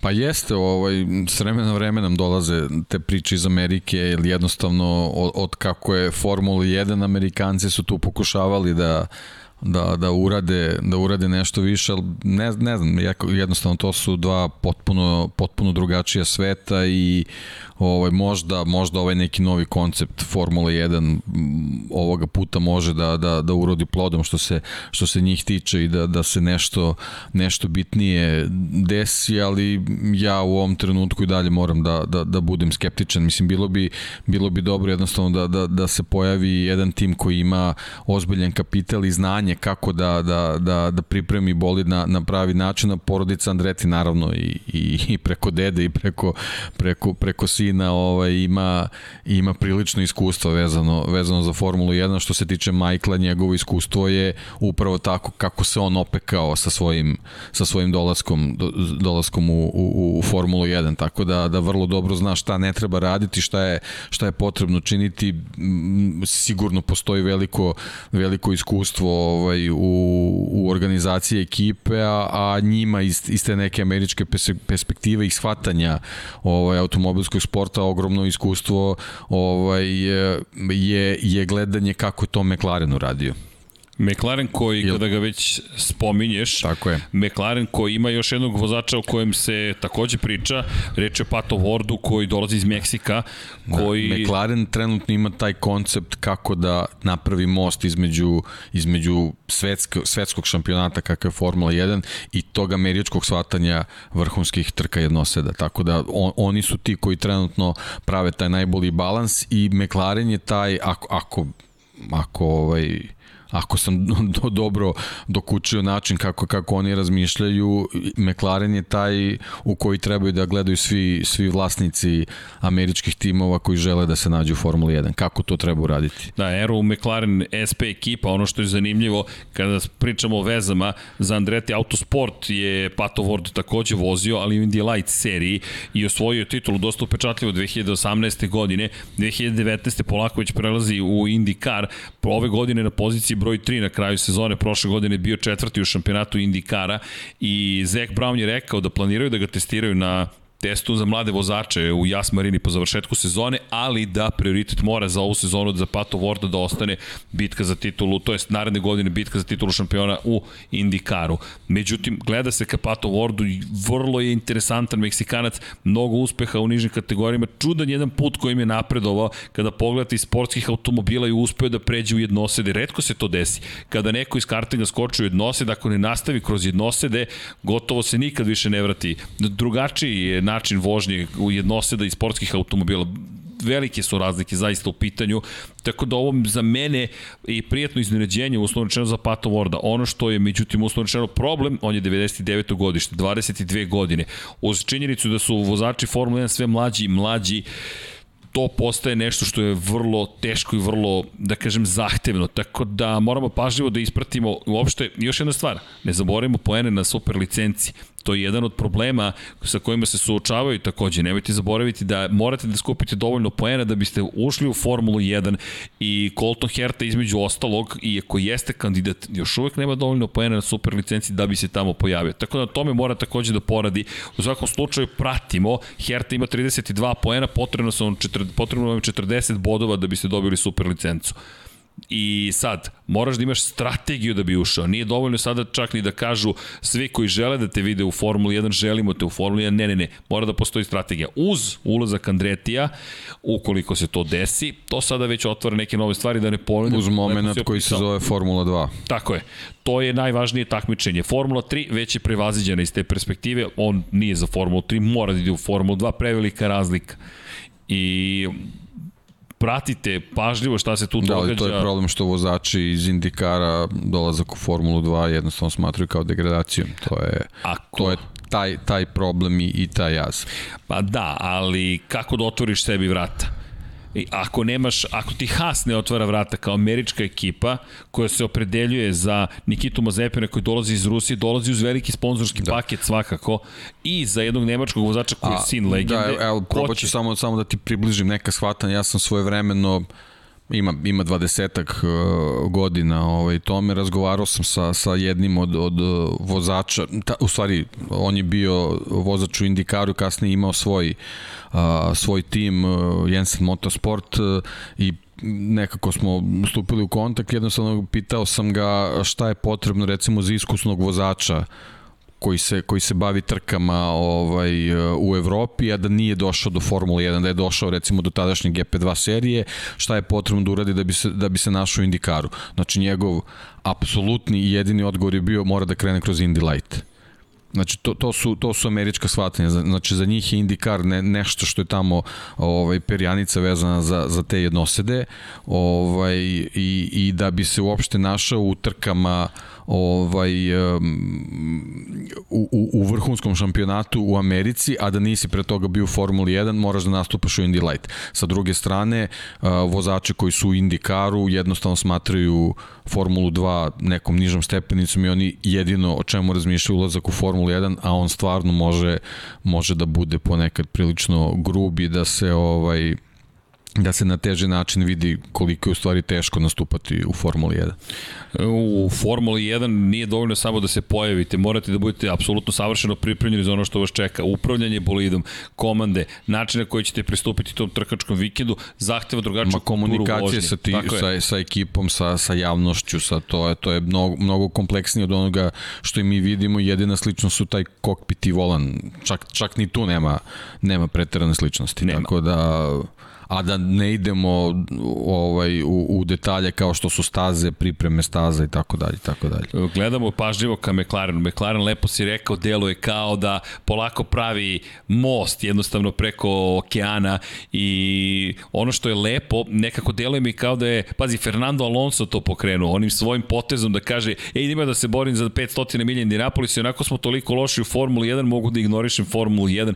Zaista mi deluje kao da je ovo za ostavština Fernanda Alonso Alonso i onog momenta kada su McLaren i Honda sarađivali, kada on rekao ja idem po trostruku krunu, ja idem po jedan od najvećih uspeha u karijeri. U tom momentu Alonso je manje više izgubljen u McLaren Honda, oni ne mogu ništa da učine, ali eto prilike i bio je blizu čak pobede na 500. Da, jako, jako važan korak u njegovoj karijeri, a i generalno breakthrough vezan za ponovnu vezu trka ovaj, Evropi i Amerike, što smo imali na početku Formula 1 Čak je i 500 milijana polica bilo u okviru svetskog šampionata. Imali smo veličine kakvi su Jim Clark i, i, i Graham Hill koji su nastupali, između osla i koji su nastupali pa. na, na 500 milijana polica u okviru šampionata Formula 1. Ima dijamantsku krunu, to je ko jedini ima ti, i pobedu na 500 milijana Indianapolisa i pobedu na velikoj nagradi Monaka i na 24 časa Limana.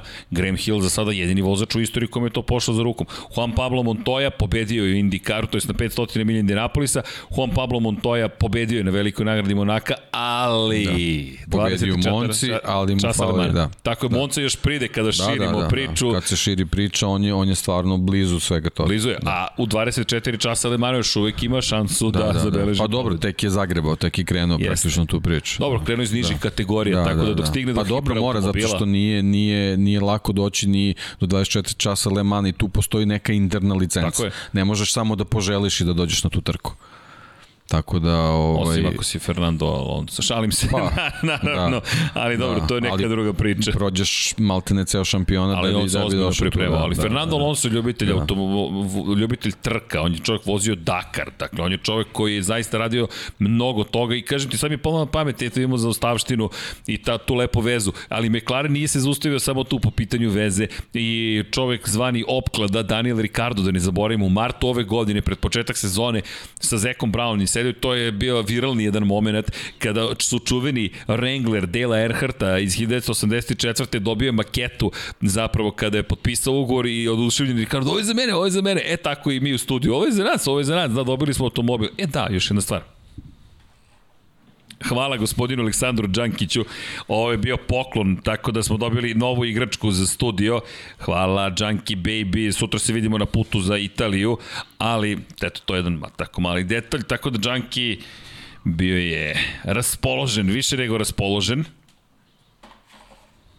hvala na tome i eto imamo još jedan automobil. U svakom slučaju kada govorimo o kada govorimo o, o, o, o onome što radi McLaren i o popularizaciji, pa naravno da smo u Americi, mora neki show da se desi. Za one koji ne znaju, Dale Earnhardt je vozio čuveni automobil s brojem 3. Dale Earnhardt nažalost izgubio je život na trci u Daytoni, 2001. godine, 20 godina od kada je izgubio život. Dale Earnhardt, zvali su ga zastrašivač, The Intimidator da. je bio, ali kultna figura i kultna ličnost kompletnog naskara, legenda zaista i prosto taj Wrangler sa brojem 3 je nešto što je san praktično svakog ljubitelja automotosporta, možemo reći i vozača. 1984. je bio na stazi, ono što je lepo, tada se kladio sa Zekom Brownom i rekao, ako dođem na pobedničko postolje, Brown mu je rekao, vozit ćeš taj broj 3. Deki, Ja da. mislim da sam popeo na vozičko, pobedničko da. postolje. Da. Ako me sećanje dobro služi, nešto, to baš nešto, nešto ima. nešto slično je bilo, da. Ličilo na postolje. Ličilo je na postolje, da sa da. brojem 1 u Monci, tako da će Daniel Ricardo dobiti broj 3 da vozi i ja čekam da ga vidim, moram ti priznati, tako da će to biti, naravno će to biti show, ali bez obzira na sve to treba i da vidimo takav show. Zaista mi je veoma zabavno, blago rečeno što ćemo ga vidjeti. Moram priznati da nema bolje osobe, rekao bih od Daniela Ricarda, ceni da će njegovi utisci biti fenomenalni i prosto da stvari budu još lepše, ko vozi sa brojem 3 u Formuli 1? Naravno, Daniel Ricardo, tako da se stvari lepo poklapaju i jedno čekam da im taj Wrangler, to fenomenalno izgleda, plavo-žuti Wrangler iz NASCAR-a, obratite pa što će se u četvrtak desiti i naravno Amerika uvek pravi show. A inače danas dobijam e-mail od Dena iz Sports magazina i podsjetnik na saopštenje za javnost, ali kada već pričamo o showu, imaćemo i prvo F1 takmičenje u slobodnim bacanjima. NBA i Formula da. 1. NBA kreće, 75. sezona, pa su i oni spremili neki spektakl, bit će neki košarkaši tamo i, i tako. Da, bit će svega. I ovde mi pripremamo spektakl. Mislim da smo rešili pitanje zvuka najzad deki, da neće kasniti. Odvešćemo naravno stazu Kota, prosto to je red, mora da se ispoštuje tradicija i obećali smo da ćemo voziti, sad ne znam da li ćemo voziti ili ću voziti. I Filip je vozio, Filip je vozio. Moram ti reći da, da Nisam znao da možeš da prođeš kroz neke od krivina na način na koji je prošao, ali okej. Okay. Filip, pošto je u prvoj trci u karijeri u španskom šampionatu Formula 4 osvojio poene, cenim da mu spa odgovara, ali veruj mi, bio sam frapiran. Gledao sam noge, ruke i pomislio sam, ok, sledeći put kada kažem, znaš, Logitech, mnogo su mekane pedale ili nešto, da učutim i da sedem i da učim i da vežbam pogledajte, toplo preporučujem specijal, to je 140 izdanje, zaista je bilo zabavno, ali malo ćemo kasnije to da učinimo. Da, ajmo da se vratimo i na ovo. NBA, eto, spaja se praktično, ne spaja, ali ESPN studio će da pa, napravi dobro, da, da. u padoku Obeležava i malo će da se igraju. Da, tako je. Pa dobro, tako to je isto lepo videti prosto. Pa to je Amerika, jednostavno, to je taj show, a ono, NBA kreće u 75. sezonu, tako da, eto, treba i to obeležiti. Uh, Vanja, samo da vidimo ovde, jesam potrefio, mislim da sam pokrenuo Sony. Sam izvini, deki, ja bacam pogled tamo levo. Slobodno, slobodno. Prošli put smo dobro, bit će tu zanimljivih zaista, izvučnih imena će svakako biti, pa ćemo eto ispratiti ko tu šta može da učini. Nisam tamo, pa da... To je više informacija za Paju. da imaš čime se zabavlja u da, da, da, da, da, pa dobro, bi, biće, biće, biće interesantno. Uh, inače, imaće i NBA oznake bolidi, to ste mogli da vidite kad je reč o Phoenix Sunsima i uh, McLarenu, tako da postoje veze, ali opet, evo, na koga se vraćamo? McLaren. Da, da McLaren. da, kažem, on je, on je nekako u ovoj modernoj eri ovaj, uspeo, uspeo da napravi ponovo taj most između Evrope i Amerike, naravno sve je došlo sa Liberty Medium i tako dalje i imaju u svojim redovima eto dvojicu veoma popularnih vozača, pre svega mi, mislim na, na, na mlade snage i na, na Landa Norisa koji jednostavno je ove godine pokazao da, da, je, da je s pravom ta vrsta nove zvezde koja je potrebna Formuli 1. E da, zanimljivo izjivu dao, da nije loše, da nije uvek tako loše biti negativac u celoj priči i to jest negat, ne, negativac, ajde nisi da budeš negativan, ali takođe ima tu taj običaj da sebe nekako spušta previše često i Pa, meni je to zanimljivo da neko toliko otkriva o svom psihičkom stanju, dosta da se Lando bavi time, to je pohvalno iz perspektive toga što jedna od redkih javnih ličnosti, vidjet ćemo da li ćemo to pomoći u karijeri,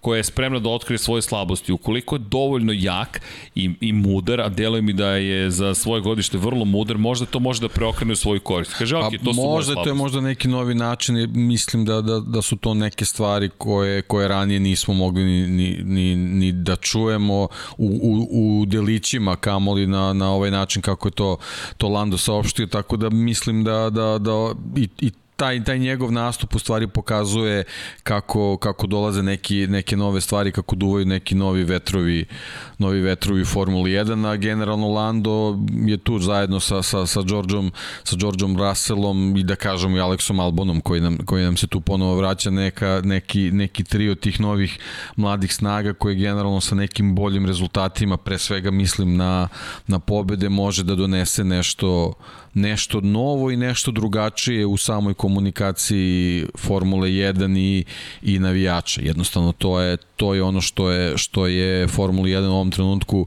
a, preko potrebno, to je da uz neku neku u staru generaciju publike dobije, dobije i neke nove koji će na, na možda drugačiji način prići Formuli 1, a u stvari shvatiti šta, šta je taj šampionat u stvari. Dopada mi se kako, kako funkcioniše, kako razmišlja, kako se ponaša i kako promoviše neke stvari. Inače, kada pričamo o promociji, oglasio se i mistični Stefano Domenicali, čovek koji je rekao da ne jedna, nego dve dobre vesti stižu u Formuli 1, Vidjet ćemo na zvaničnom web sajtu je prosto pričao o trenutnom stanju u Formuli 1 i o tome šta nas čeka i rekao je kada je reč o budućnosti posle 2022. bit će nekih dobrih vesti uskoro, ali ne želim da ih pokvarim. Stefano, budi kao ja, pokvari ih, reci da, napred, da, da, pre nego što završimo bilo da. šta. Pa da, neka izleti slobodno. Da, tako je, neka, neka iz, nešto nam se desilo sa volanom, čini mi se. Deki, ovde neka situacija. E, samo sekund. Ja nisam prilazio tomu. Nisi pri... tako da Čekaj, možeš. Pa ajde, sa, uh, Vanja, treba pomoć. Sad ćemo, dajte samo sekund, ide mehaničar da nešto vidi. Deki, ostanem. Da, inače da, desila se situacija, u jednom trenutku se ugasio ekran i nešto su pokušali preko joysticka, međutim ništa se nije desilo. Ja jedino što vidim, vidim crni ekran i volan koji se okreće. Tako da sad da li je HDMI neki pogrešan ili nije, ne znam, ali sad ćemo da vidim, naravno ja sad od srđana ne vidim ništa, ovo je nešto čačka tamo, ali možda se desi to i da proradi. Ipak i njegovo.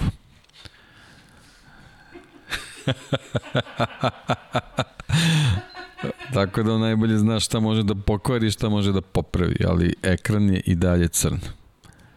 A, evo ga, nešto se pojavilo. Eto ga, eto. Sam rekao da srđan mora da popravi. E, sredili smo. e, dobro da nisi prikazivao Čekić i samolepljivu traku. U duhu naskara smo popravili PlayStation, tako da ne morate da brinete ili brinite, uspeli smo da popravimo PlayStation, tako da ćemo moći ipak da odvezemo, ali ovoga puta trebalo bi da budemo bolji. Deki, ako bude to radio kako treba i ne bude kasnije, hoćemo obojica. Ne znam, vidjet ćemo. to, to nije pravi odgovor, ali da, kao što smo običali, malo ćemo da se ponovo poigramo pa da vidimo dokle smo napredovali. Kažete, gledam Filipa i ozbiljan napredak, verujem da osjećam da sam postigao, posmatrajući njegovu tehniku. I može mnogo toga da se nauči. Posmatraš čoveka i kažeš, ok, samo polako, staloženo i mirno ipak je on samo profesionalni vozač da. tu jedne formule. I samo su mu nek... Ja, ja uvijek za reflekse, znaš, kad pričamo kao koliko su bolje refleksi, ja to u godine prebacim, znaš. Tako da njegovi refleksi su jedno 35 da, da godina bolje. Da, to je bolji, samo. da, samo. Sve je okej. Okay. Evo, Deki, savršeno pitanje za tebe. Kako komentarišete povratak Flavije Briatore u Formuli? za one koji ne znaju, e, Flavio Briatore nije baš najpopularnija ličnost sa, desne, sa moje desne strane predugačka je to priča, ali okej. Okay. Evo, Đođo, Đođo, bumeri, ko, jesmo mi bumeri, ne znam, jesmo mi ta generacija, pretpostavljam. Nemam pojma. Pojasnite. E, pa ne znam, ja, ja sve shvatam. Kako? Ko, bumeri? Vidi. Jel može neko da bude stariji od nas? Ima toga još. Kaže Gavrosaurus, pit stop u sred emisije. Pa dobro, desi se, probušila se guma, čujte, ali ekipa odreagovala i odmah to završila. Razumite, to je prosto situacija u kojoj se ponekad nađete, ali rešili smo bug koji god je bio. Ok, koji bolid biramo za Ameriku? Opet Haas, pazi. ja mislim da to je jedini tim koji možemo da vozimo u Americi, zar ne? Gde nam je? Austin, evo ga, SAD, Da li će biti dodatno pojačana ova ruska zastava za ovu trku? Da, da to će Živo me biti zanima, zanimljivo. da. Da. bit će zanimljivo videti.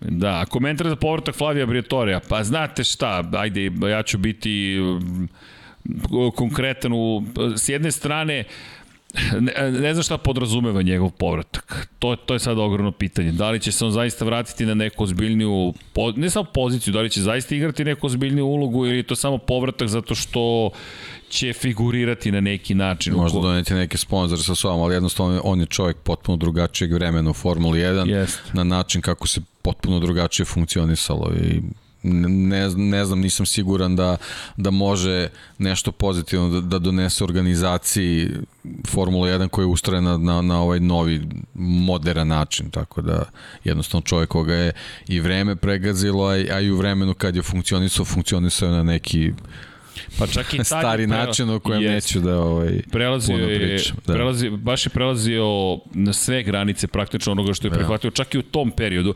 Inače, Mohamed Hajdari pita ukoliko se Meksiko odgodi, možemo li Austin, možemo Austin ugostiti dve utrke s, tim, s, s, tim, s tom lošom stazom?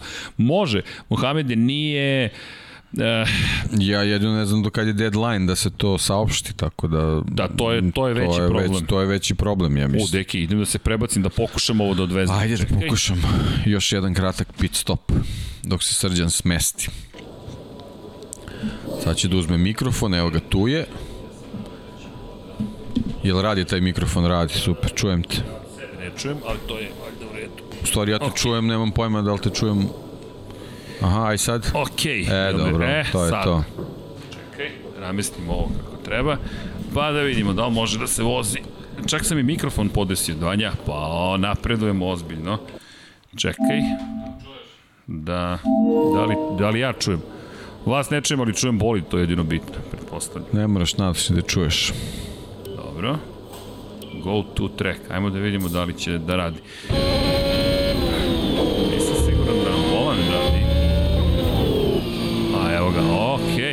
Radi definitivno, dobro.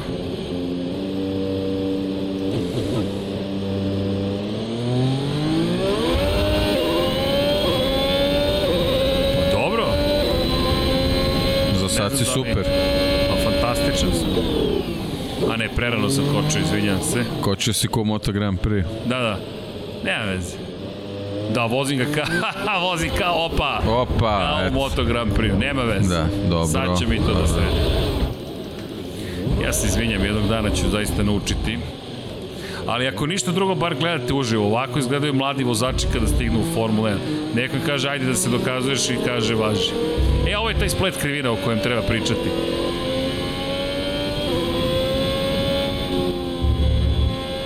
Ovde se ne oduzima gas, ovde se prolazi punim gas. Da, da. Neki za ovaj pripremni krug, ovde pokušam da... Ne, dobro, dobro, sve okej, ja samo, samo kažem. Samo mi skrećeš pažnju. Ne tebi, nego generalno, ovaj, to je to.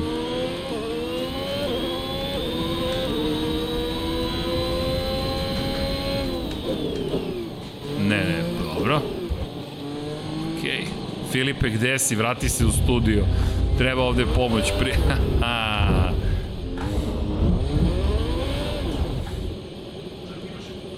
Imam i publiku, šta to znači?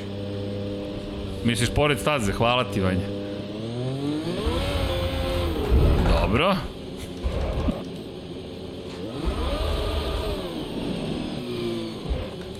Nešto sam danas mnogo lošiji nego što sam bio. A to nije lako.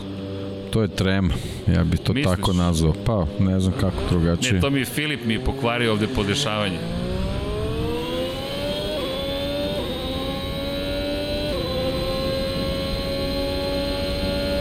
Odličan si na ovim pravim deonicama. Misliš, tu uspeo nešto da uradim? Ne, mnogo Baš dobro koči. izgleda. Ne znam šta mi je sa tim ranim kočenjem.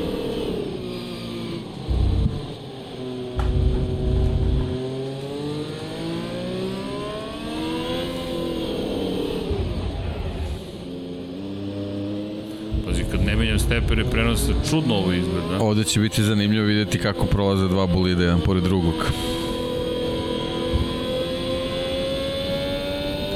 To nismo imali dve sezone.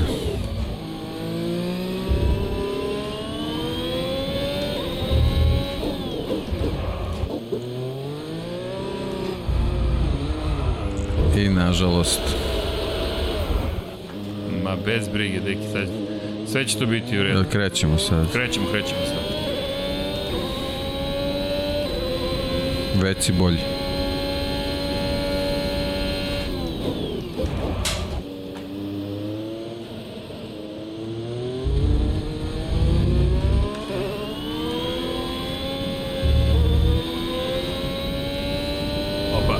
Okej, ovuda ne treba ovako proći. Malo sam skratio stazu, ali ne zamerite.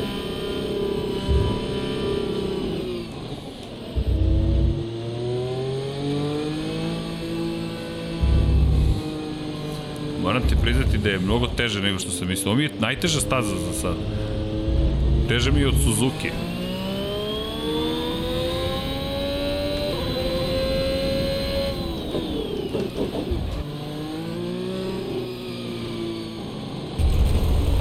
Okej.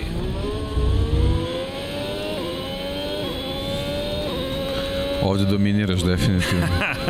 Pa vidi, znaš da je Haas ima najveću maksimalnu brzinu, koristi samo snagu bolida. To je svojevremeno i Jordan radio u Monci. Startni pravac, a ostalo snađite se.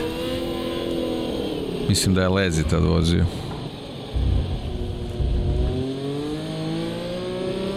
To je pred kraj karijere. Pa da.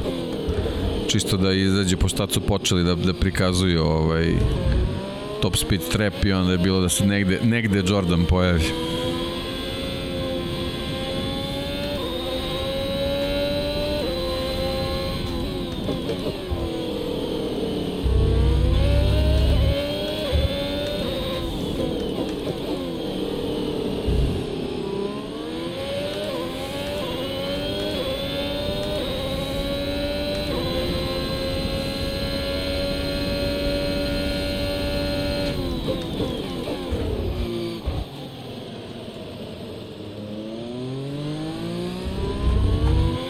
E sad imaš reper.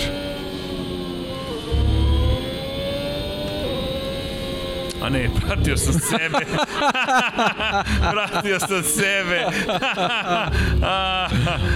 Okej, okay. vidiš sam brži kad tako vozi sa pokraj staze. pratio sam sebe. A, dobro, okej. Okay. Ovo je bar bilo iskreno skroz. Okej, okay, greška. Dobro.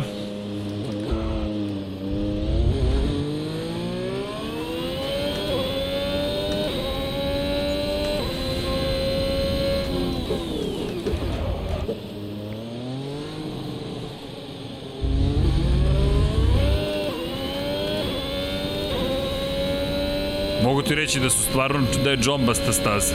Osjeća se na volanu.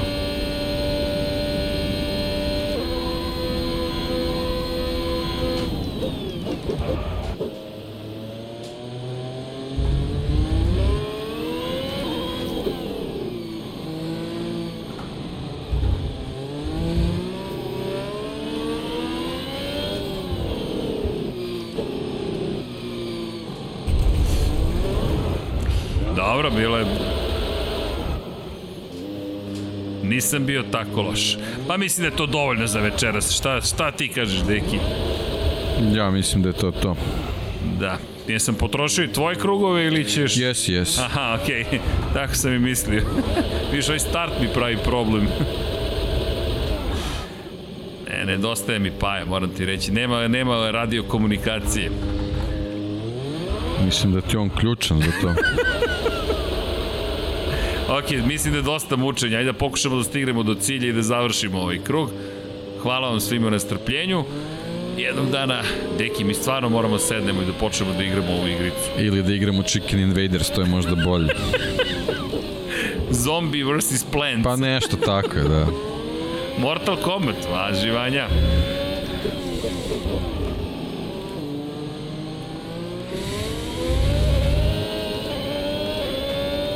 Ajde još ovaj krug. Sad Još si kre... ovaj- odlično si krenuo. Tako da. Odlučno misliš, pa Da. zato što sam mislio da je kraj, deki, ne zato što sam hteo nešto. Sad dolazi tricky part. Savršeno, evo ga. Samo da, sa, samo sam, hteo sam da kažem samo da ne pogleda u ogradu, evo gleda. Ali dobro. A, nije Okej. bilo toliko loše. Da. Ne, ne. I opet ograda. Mislim da je bilo dosta, Da. šta ti kažeš? Pa ovo je sad već bonus krug, ovo je vanjin krug sad već voziš. Hoćeš vanje da voziš? Okej. Ništa, to je sad bio još, još jedan trenutak zabave.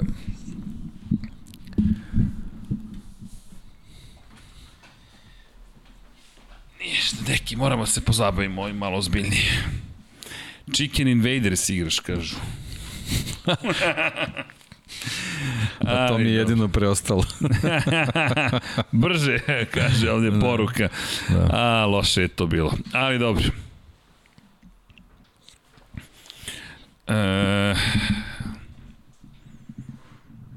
da, tako da, samo sekund, molim vas. E, imamo nova pitanja. E, ima Mario Vidović, pozdrav, veliki pozdrav, jako Pozdrav, lep razgovor sa Filipom Janićem i napokon e, neko je pajne generacije. Tako je Mario to, oni su zajedno išli u osnovnu školu tu u Drinku, pa sad zajedno u srednju, u treću gimnaziju. Da, inače Nikola Stojanović kaže veliki E, možda pozdrav. se Paja folera da je bolest, možda ima pismeni neki slučaj. Možda se priprema, da, Pošto da. vidim da ovih dana je to ovaj, popularno iz nekih izvora sad znam. sad, sad, Sad, sad, je nek, sad su neke tromesiće, da, možda je to, to je to.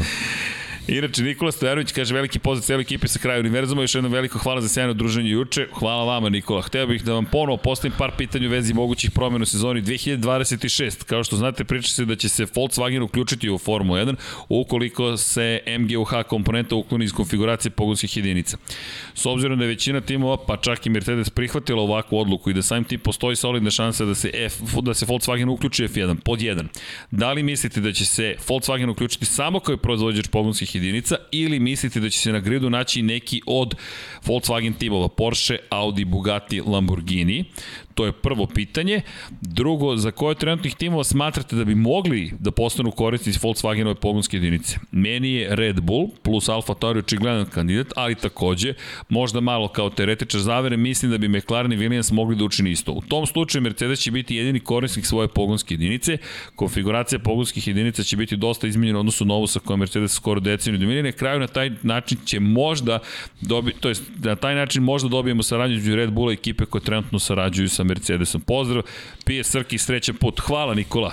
Hvala, hvala. E, dobro pitanje, kompleksno pitanje. Da krenemo prvo od ovoga usvajanja za MGUH, koji je prilično skup za razvoj, koliko god delovao jednostavno zapravo ceo taj sistem MGUH o kojem smo i pričali pre prava podcasta izuzetno skup za razvoj u trenutnoj konfiguraciji i njegovo uklanjanje će dramatično smanjiti potencijalne troškove timova i skida tu jednu prepreku Volkswagenu i Audiju za ulazak u Formule. Jednu od prepreka, ne sve. Da, ali generalno priča o Volkswagen grupi, znači ne, Da. ne samo o Volkswagenu kao brendu, tako da tu postoji još nekih marki koje, koje ovaj, Volkswagen može da, da, da izbaci u čitavu priču, ovaj, a postoji mogućnost da, da se možda uh, kupi neki, neki od timova koji su vezani za neke marke koji nisu, nisu u Volkswagen grupi, tako da, da, da, da postoji, postoji više, više scenarija šta bi sve moglo, moglo da se desi, a generalno kad pričamo o grupi uh,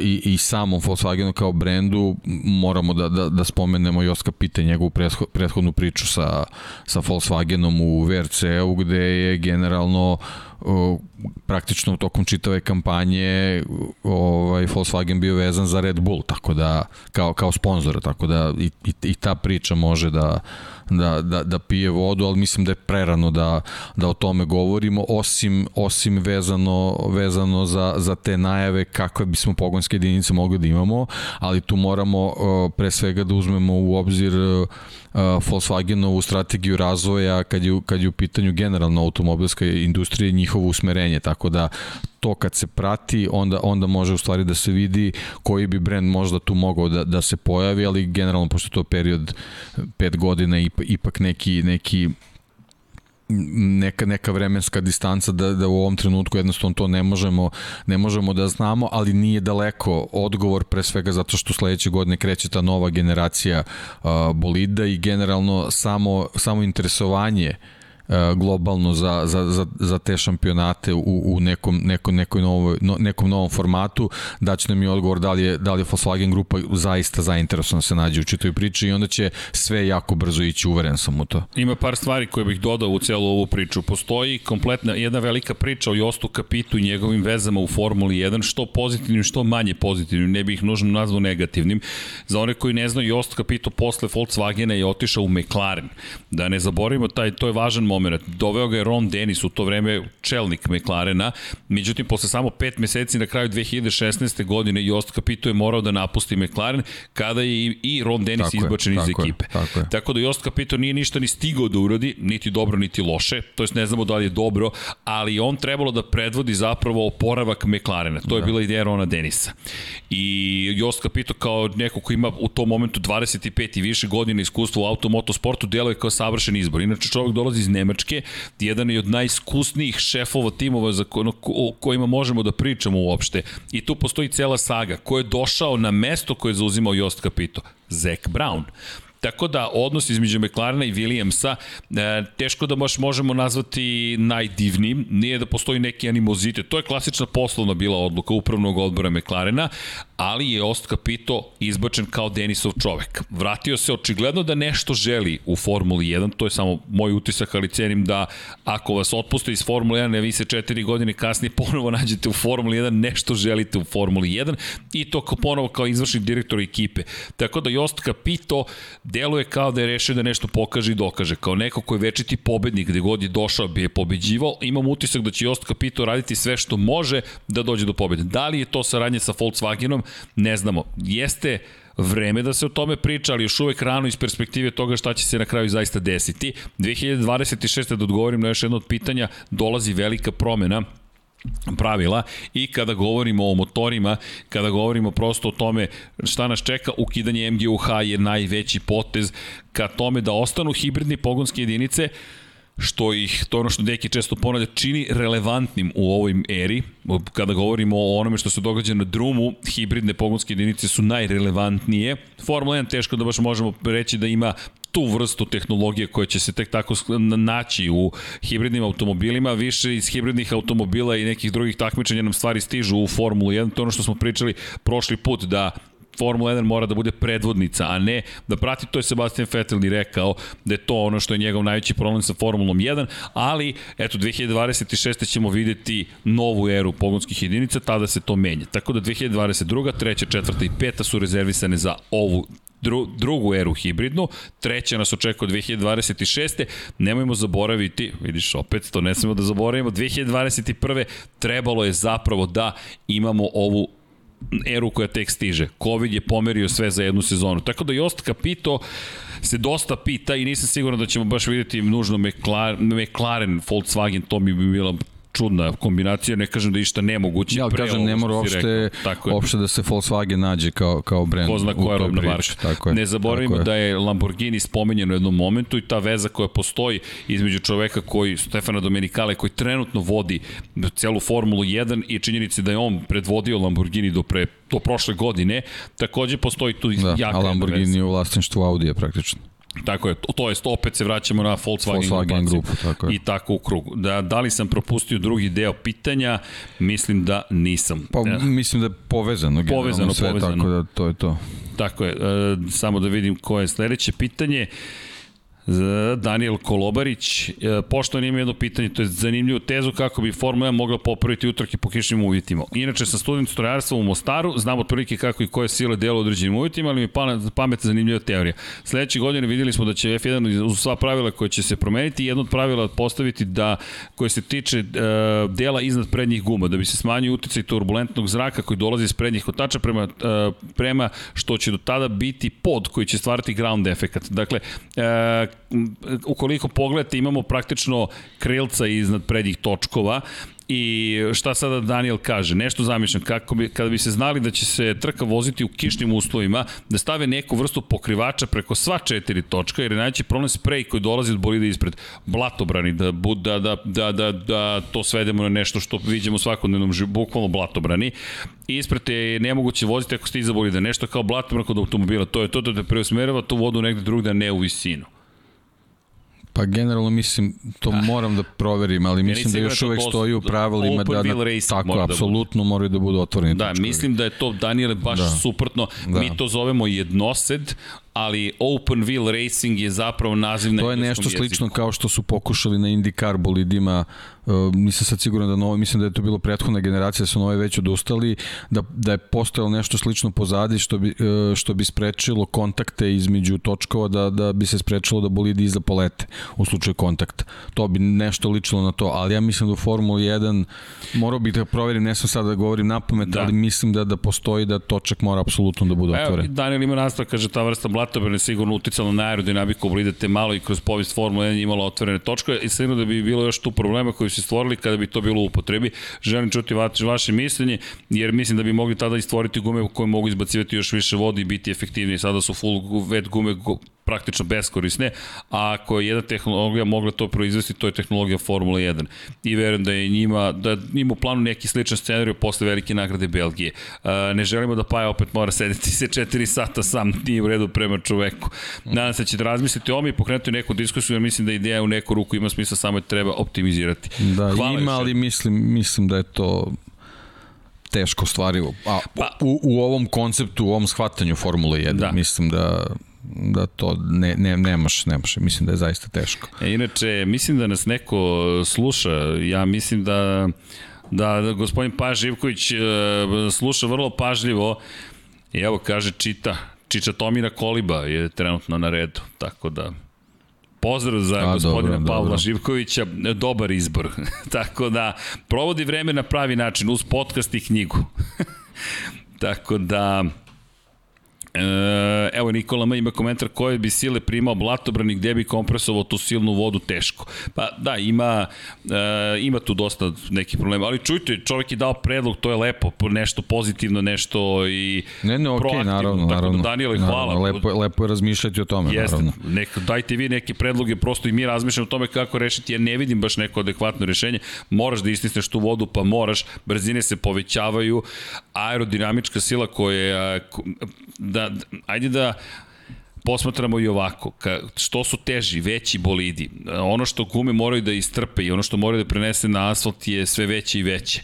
I sva ta aerodinamička sila, sa aerodinamički potisak negativni koji se stvara, negde mora da se prenese. To su pneumatici. Ti pneumatici u kišnim uslovima su pod ozbiljnim opterećenjima i neophodno izbaciti ogromnu količinu vode, sve veću i veću. U toj situaciji mi dolazimo do toga da ja ne vidim adekvatno rešenje. Dakle, ne vidim kako da se ne stvori vodeni bedem praktično iza onoga ko vodi i nisam siguran da, da je to izvodljivo, a da se ne promeni celokupna Formula 1.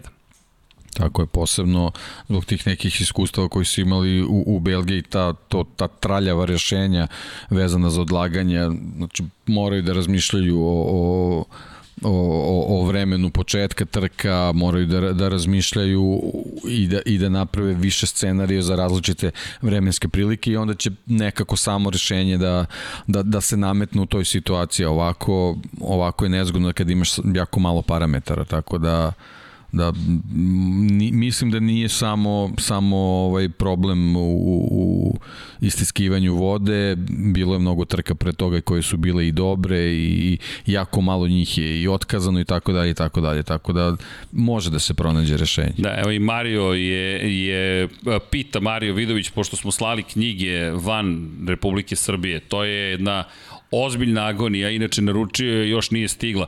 Mi se nadamo da će on stići, molimo vas da nam javite, s obzirom na činjenicu da i mi pokušamo da shvatimo kojom brzinom će, sti, po, će stizati knjige i majice i sve ostalo što je naručeno van Republike Srbije. Zašto? Pa nemamo povratne informacije i mi učimo ljudi, mi nismo planirali da se bavimo time, da, da, da, da, da, da uopšte imamo mogućnost da šaljemo majice ili bilo šta ili knjige van, ne, ne van, u Republici Srbiji, međutim sad smo u situaciji da ste nam potrebni vi. Kada, kada vam stigne knjiga, mi vas molimo da nam javite.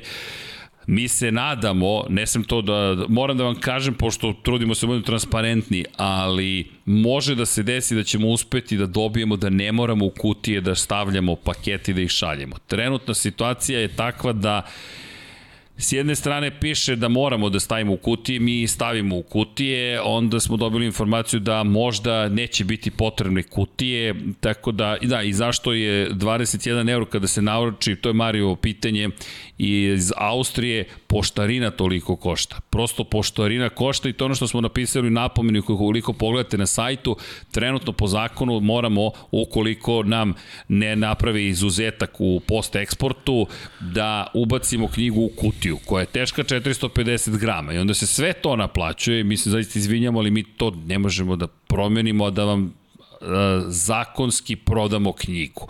I zapravo plaćate poštarinu, ne plaćate knjigu Jedina druga opcija je da se da odemo do autobuske stanice i knjigu damo nekom vozaču koji ide za Beč, a onda smo u zakonskom prekršaju i ja razumem da je to efikasno, ali onda mi nemamo takozvani izlaz i onda smo u prekršaju. Tako da Mario, ja se zaista izvinjam, ne znam ni šta bih vam rekao, osim da se nadam da će jednog dana biti jednostavnija dostava van Republike Srbije i da ćemo uspeti nešto drugo da učinimo. Pričali smo o tome i pre par podcasta i baš je bilo reči o tome da mora kutija da bi se videlo šta šaljemo. U pošti pokušavaju da nam izađu u susret da bude otvorena koverta sa onim vazdušnim jastučićima kako bi se smanjila težina na nekih 50 grama, ne znam ja koliko, i kako bismo mogli da vam a opet kojom brzinom će stići, ne znamo. Tako da potrebna je povratna informacija i mi vas molimo za povratnu informaciju. Izvinite što čekate, to je jedino što mogu da vam kažem.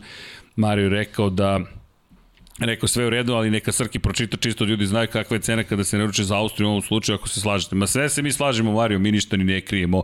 Mi pokušavamo isto tako da dobijemo informaciju kada će to stići, da li je stiglo do vas. Tako da agonija traje iz te perspektive, ali ono što je pozitivno kada rešimo neki problem, makar se više ne vraćamo na taj problem. Tako da se ja nadam, evo, gledam tamo u desni, desni ćošak, da li smo uspeli da rešimo, verujte, ne znam šta sve nismo naučili i kako se šta šalje. Inače, da bismo vam poslali van Republike Srbije, moramo da donesemo tri računa, ni manje ni više, i jedan mora da bude preveden na engleski i tako dalje ima više papira nego u Dekijevoj knjizi, otprilike na to se svede. Ono što će vam stići, pa onda knjiga. A knjiga nije mala, tako da imate da čitate, ali vi pošaljite informaciju kakva je knjiga, to ono što nam je bitno da znamo. Da vidim da li sam nešto propustio. Ima još pitanja nekih pozdrav za Jelenu i imamo novog Patreona, tako da neću da čitam ime dok čovjek ne potvrdi da li želi da odgovori ili ne. Ok, da se vratimo i četu. Smanjiti dimenzije bolida, smanjiti težinu bolida, smanjiti dimenzije guma, eto imamo trkanje po kiši. Da, ne ide to tako. To smo imali. Elmire, volili bismo mi to, ali da, to smo imali to sada. Bilo, da. Kada dođe do hibridnog bolida, to je hibridnih pogonskih jedinica, težina je takva da je gotovo neminovno da ćemo i ove težine imati. Da, Muki Alex kaže stavite još Blatebrne šajbu na relu i eto imate DTM sa većim automobilima. Pa to je point. Ali da. jeste, to je, da. pa zato Muki pričamo. E, Daniele, hvala još jednom za predlog. Ono što je meni super jeste da diskutujemo i da razmišljamo i da Stavite Blatobrane i, i šajbnu i dobijate prototipove Slemana koji se ukidaju. Jeste, jeste, bukvalno. To je to. To je to. Tako da mora da ostane otvoreni točak, a mora da ostane hibrid i sad kako? Kako to postići? Mi, ja ne znam, nemam, nemam neki adekvatan odgovor na to pitanje. I uh, Muki Alex, pa nije samo tako jednostavno da, da je samo do njih. Uh, jel ko iz BH naručio knjigu i koliko ga izašla poštarina, a dela uh, možete da pogledate na šopu, poštarina, imate i link ka tome koliko košta poštarina, tako da Nažalost, to još nismo uspeli da smanjimo, ali se nadamo da ćemo evo uspeti tamo lobiramo, ali znate šta, to vam je uh, To vam je onako jedan ozbiljan zadatak. Evo šan. Smenite Michaela Masija. da, nije do Michaela samo Masija. Šta mislite o Alpininom motoru, gde ga rangirate? Pa, taj Renault, Renault motor, to jest Alpinin motor, nisam siguran. Sada mislim da Mercedes i Honda su otišli neki svojim put. Dolazimo do Ferrarija koji je sada uspeo da uznapreduje i dolazimo onda do Renaulta, to je do Alpine. Ja mislim, Deki, ne znam da li kakav je tvoj utisak da je on na poslednjoj poziciji sada. Jednostavno, uz napredak koji smo sada videli, deluje mi da je prosto Renault taj koji, a mislim i da ne investira toliko za ovu sezonu, da će sve predstaviti. Za, zato i kažem, ovaj, generalno taj, taj plasman na tabeli je nekako proizvod te dobre trke u, u Mađarskoj, a mislim da, da, da ne oslikava pravu, pravu situaciju s tim agregatom. Evo pitanje, e, momci u studiju, da li ste ljubitelji nogometa, Mati Solić? Pa ja bih rekao da imate ne samo ljubitelja, nego imate i stručnjaka, samo što ne pričamo toliko. A, dobro, da. da, o, o, tom, o tome, jednostavno ta tema, e, ljudi, ja ne pratim prosto futbal, Deki je taj koji prati sve. Eno, molim vas, i, i, šta je bilo? Jel znaš neko pitanje? Pratimo futbol. Čekaj, šta ti je na ekranu? Priznaj. ne smemo da prikažemo zbog prava. Pa, misliš? mogu da mislim šta je. A, dobro, dobro, dobro, dobro. Da vidim, evo vidim odavde. Čekaj, 2-2. Ovo drama je... Uf, pa kasniš. Neko je pitao da li... Nisi update-ovo. Nisam update-ovo. Nisi update-ovo. Već je 3-2. Gotov meč. Gotovo, gotovo. Ko je pobedio? Tvoji su pobedili. Da. Jesu crveni, crni, ko? ne znam. Žuti ovog puta. Žuti, Žuti su večeras bili, da. Ali da, Deki vam je veliki, može kadar na Dekija, molim te. A, pogledajte u pozadini zastavu, sve će vam biti jasno. Inače, to nije bilo planirano, to je Vladin poklon studiju, naš drugar Vlada je prosto poklonio studiju, rekao, ej, ljudi, ja želim da vas podržim, mogu da vam poklonim zastavu mog kluba. To nije mala stvar, to je mnogo velika stvar i poslao je zastavu kluba You'll never walk alone, u ovom slučaju Liverpool, nekom pitao da li nam je za Liverpool Ako da, bilo bi jako čudno da sam ja poklonio zastavu. E, ali čekaj, gde nam je dres West Ham Uniteda? Ajde, da, sad... I jao, i to Iron daleko. Maiden. Ne, kako daleko? daleko? Sad, da. pa to je to. Ali, Inače, Aleksej Rostović kaže, pozdrav skipo, knjiga je sjajna, pročitao, mi, pročitao sam je iz cuga. Hvala. Boris Trutin, ajmo like, bit će bolji algoritam. Tako je, Borise, Liverpool, Majica mu je prelepa. Kome je majica prelepa? Dekiju? A, dakle, da radimo i polo majice. Uh, Ivane, donatore Toškove, da li možemo da nešto radimo i po pitanju polo majica? Ma, to nam je savjetnik. Uh, Juče sam gledao vaš stari specijal o kraju Fetelove ere u Ferrariju. Tada je bila priča o Fetelu McLarenu čisto teoretski. Da li bi se bolje snašao od Ricarda da je do toga na kraju došlo? A šta bi bilo o, kad bi bilo? Da li bi imao pobedu u Monci? Pa ja mislim da bi, da bi se snašao, da bi se bolje snašao, teško baš pitanje, ali mislim da bi se lepo uklopio u taj tim. Mislim da bi njemu prijela i atmosfera koja tamo vlada i da bi, da bi dosta toga učinio. E, zatim, Ok, Daniel Ricardo. O, ovo je Vanja, ovo je Vanja, upravo je ubacio Vanja 99 yardi u celu priču. Ok, i u pozadini Josh Allen, za one koji prate američki futbal, Josh Allen i bio je u drugom muzičkom gradu, staza u Formuli 1 je pored Ostina koji važi za grad muzike, ali su u Nešvilu juče igrali, izgubili su od Tennessee Titansa, drama, e da, to sam sinoć radio, da je deki od 2 i 15 do 6 ujutro, čudna noć iza mene, tako da Ne zamerite ako možda sam nešto propustio. Ne zamerite ali... lošu vožnju u Teksasu. da, da, da, loša vožnja je Možeš da toga. se izvučeš, pa da. Da, mogu da se, a nema izvlačenja, nego i dosta nam se ekipe porazboljevalo srećom, Paja nam je, Paja, ne znam šta, šta se desilo, ali ma, ti si upravo, ima pismeni, zato se izvlači, ali srećom nema COVID, ali neki od komentatora nažalost imaju, tako da sam uskočio za, za noćnu utakmicu između Buffalo Bills i Tennessee Titansa, priznajem u trećoj četvrtini u jednom momentu sam pomislio, ok, isključit ću se i onda je bilo ajmo, kafica i izdržali smo do kraja. Znači, sutra nema podcast iz Moto Grand Prix. Ko je rekao da nema podcast iz Moto Grand Prix? Čuda internet tehnologije omogućavaju da možda jedan član ekipe iz Mizana se javi, ukoliko naravno želite. Ja ne znam, evo pitanje za vas, da li želite da se uključimo iz Mizana? Eto, ako mislite da treba, samo recite. Ko dobije mesto u Alfi i da li mislite da Đovinaci dalje ima šansu? Da, ima on se ponovo pojavio kao, da. kao kandidat za mesto. Da, pojavio se i e, čovek je koji koji, koji nekako tu, ne znam, figu, na ivici deki, levo, desno, od trke do trke, mnogo zavisi od ove priče sa Andretijem, da li će se tu nešto obistiniti ili ne, ali Đovinaci se zaista trudi da se nametne svojim vožnjama pre svega. Ja mislim da radio dovoljno dobar posao. Iskreno koliko god sam bio kritičan prema Đovinaciju, njegov napredak mislim da zaslužuje još jednu sezonu u kojoj bi mogao da nastavi s tim napretkom. Pogotovo što ova godina može biti velika prekretnica za sve u Formuli 1. Ko kaže da Alfa Romeo naredne godine neće biti pono tim koji se bori za poene ili više od toga. Ovo je tektonska promena. Ja jedva čekam sledeću godinu iz jedne perspektive. A, a, a tužno mi je da se ova završi. Toliko je uzbuđenja u ovoj sezoni, a tek jedva čekam 2022. Onda kada sve to spojim i stavim Đovinaciju u celu priču, zašto da ne sačekamo Đoa i bilo koga koji je trenutno u Formula 1 da vidimo šta možeš ovim novim bolidima. Da li zaista kada dobiješ bolid koji je navodno više orijentisan ka tome da izvuče maks, da vozač od vozača više zavisi, da vidimo šta će biti i da li će zaista biti to neko je pitao trkanje točak na točak i kako će stvari izgledati. Ne znam. Nadam se da ćemo imati priliku to da vidimo konkretno kada reč o. A Zlatko ne brinite, bit će podcasta sutra. Sad kako, vidjet ćemo. Muhamed, Dino Beganović u podcastu. Da, Dino, nadamo se da će biti ne samo Dino, imamo mi ceo spisak vozača sa ovih prostora s kojima želimo da pričamo. E, prostor je trenutno bio Filip Jenić u Beogradu, odlazi narednog vikenda, naredne nedelje se vraća, to jest ide u Španiju, ali i Dino Beganović i Martin Kordić i tako dalje i tako dalje. Želimo sa svima da pričamo. E, kada će biti streamovanje formule na Twitchu, pošto ste bili spominjali?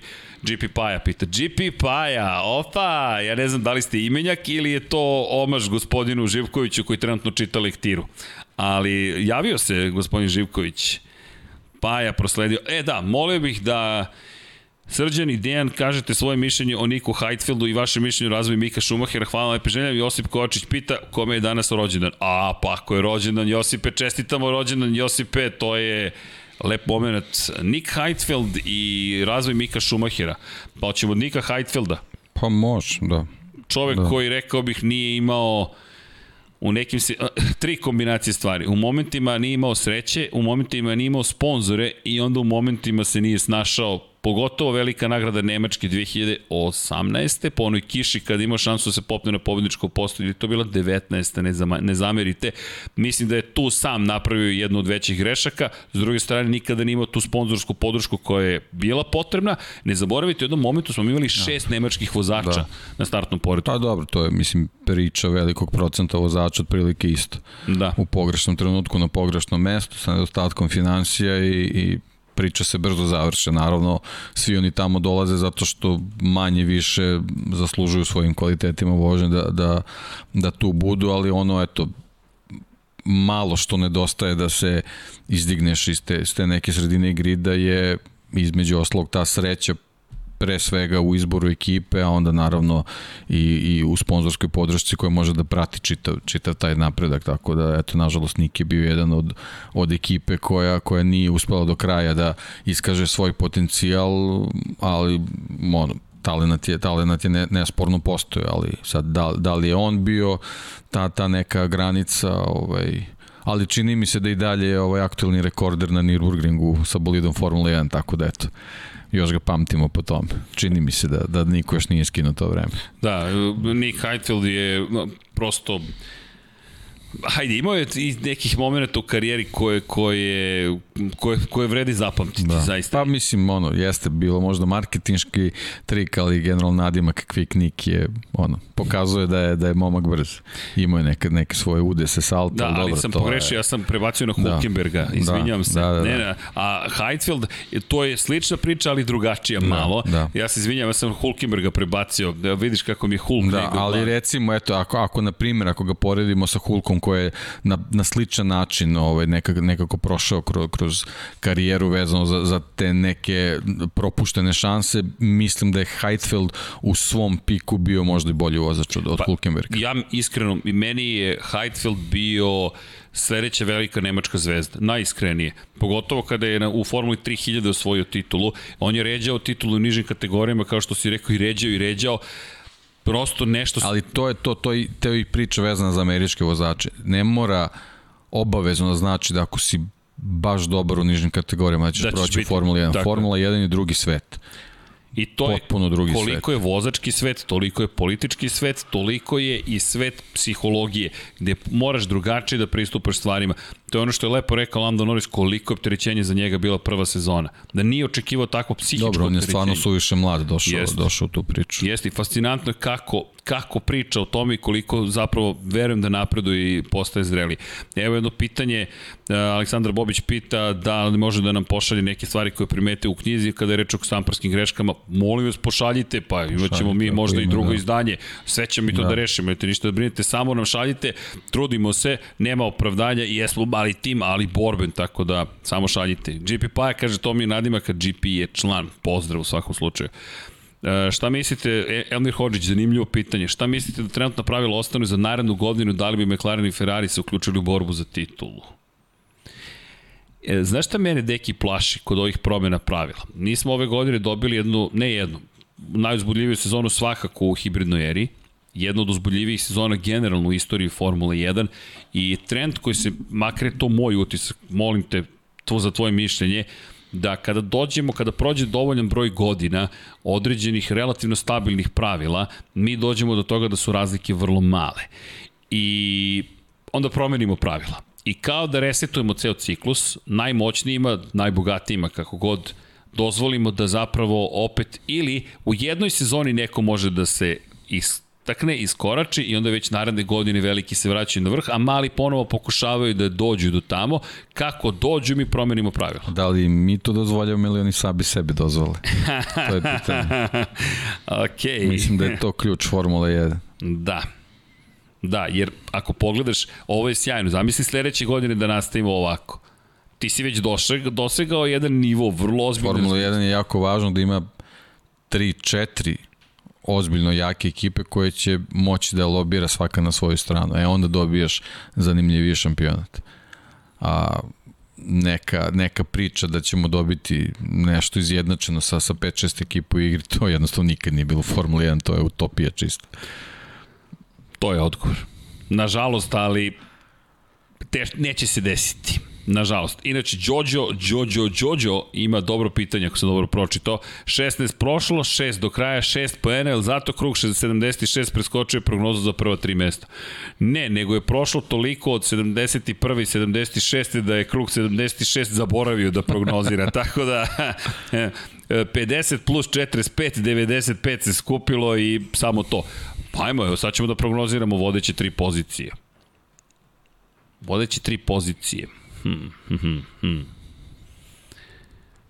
Mislim da ćemo dobiti klasičnu trku, dakle Red Bull protiv Mercedesa, ali moj poredak je ovakav. Verstappen, Hamilton, Bottas. Eto. Moj poredak je sličan. Hamilton, Bottas, Verstappen. Okej.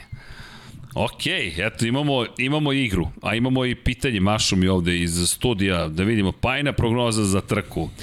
Slušaj Pajnu prognozu. Hamilton, Verstappen, Leclerc.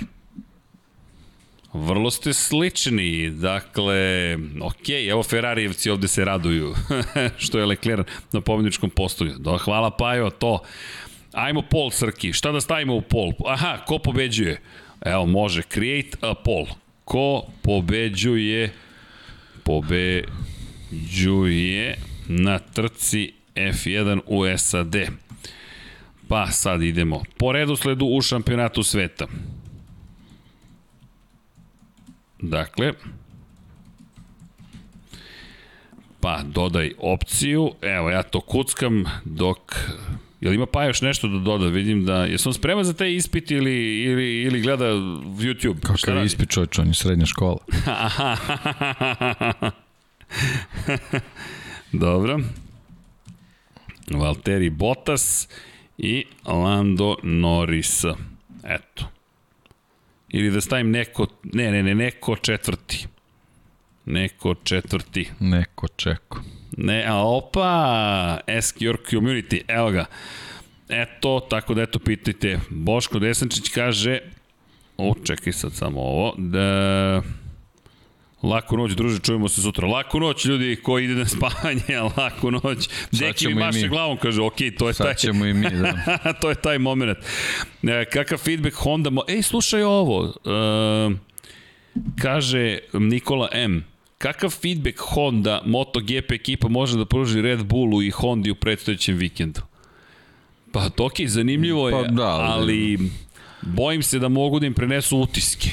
Da, da. I to je to, podaci, znate šta, potpuno druga masa, dinamika, drugačije stvari, eventualno mogu da im daju neke informacije o stanju asfalta, ali to je na nivou pre, pro, prosto prenosa informacija. E, Pače ludak, je li to Paja? Šta, ili Pace ludak? Srki, hoćeš uspeti MotoGP Formula 1 da komentarišeš? Nažalost, ovoga vikenda ne, bit ćemo... Ja sam mislio kako je krenulo pitanje, Srki, hoćeš ikad moći da voziš Moto Grand Prix Formula 1? Da li znaš da sam to isto ja to sam pomislio? da li ćeš ikad uspeti krug da završiš, da ne siđeš Mali ili veseljače. se ne okreneš? To, to. Hoću. I to ću uspeti. I da, nismo odgovorili kada ćemo na Twitchu. E, pa spremamo se... Max Verstappen, Lucy Hamilton, Valtteri Bottas i neko četvrti. Uh, Če sad ga zovemo Lucy. Lucy, ne, ne, pa dobro, pogrešio. Pa ne, okej, okay, pa dobro, ali eto, Nemojte... Spontano. Nije Dobro. bitno, znamo šta se stavio. Da, dobro, nije, nije to bila poenta, ali dobro, to je, to je Ali ukucanje. sviđa mi se Lucy. Deki, ja sam Pa u da. hot water, što kažu, ali dobro.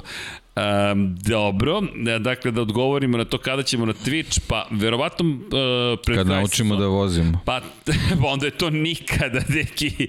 Ne, ali stvarno hoćemo, to ćemo isto da uradimo. Uh, uspeli smo sad da osla... Čekajte da rešimo ovaj post-eksport moment i da rešimo to dostava van Republike Srbije. Delovo je tako dobro na papiru. Piše sve šta treba da uradimo i da završimo s time.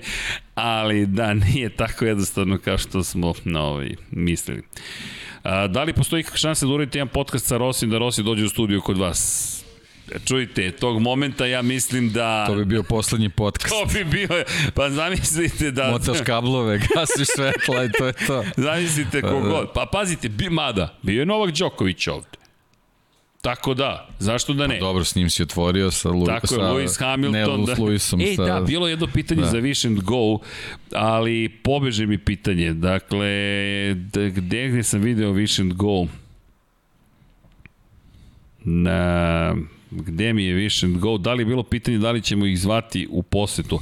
Hoćemo samo da pro... Evo ga, Ljubiša Vazić. Što ne pozovete u goste i rodite u goste and Go, Erceg i Viško, ko bi više pričao? O, to bi bio ozbiljan duel. To bi bio duel rat titana, rat glasova. Ko može više i brže? Pa, zapravo, e, Ljubiša, pozvaćemo ih, ali kada prođe sezona, sada je suviše ozbiljno. Pri čemu, zna, moje teorije, zašto imamo premalo informacija trenutno. Ljudi, sezona je takva da niti će Red Bull, niti će Mercedes išta dozvoliti da izađe iz fabrika. Ta pitanja ko će da pobedi, nemamo pojma ljudi, evo, vrlo iskreno, niko nema predstavu, čekamo četvrtak da vidimo fotografije novih krila, da vidimo šta su spremili.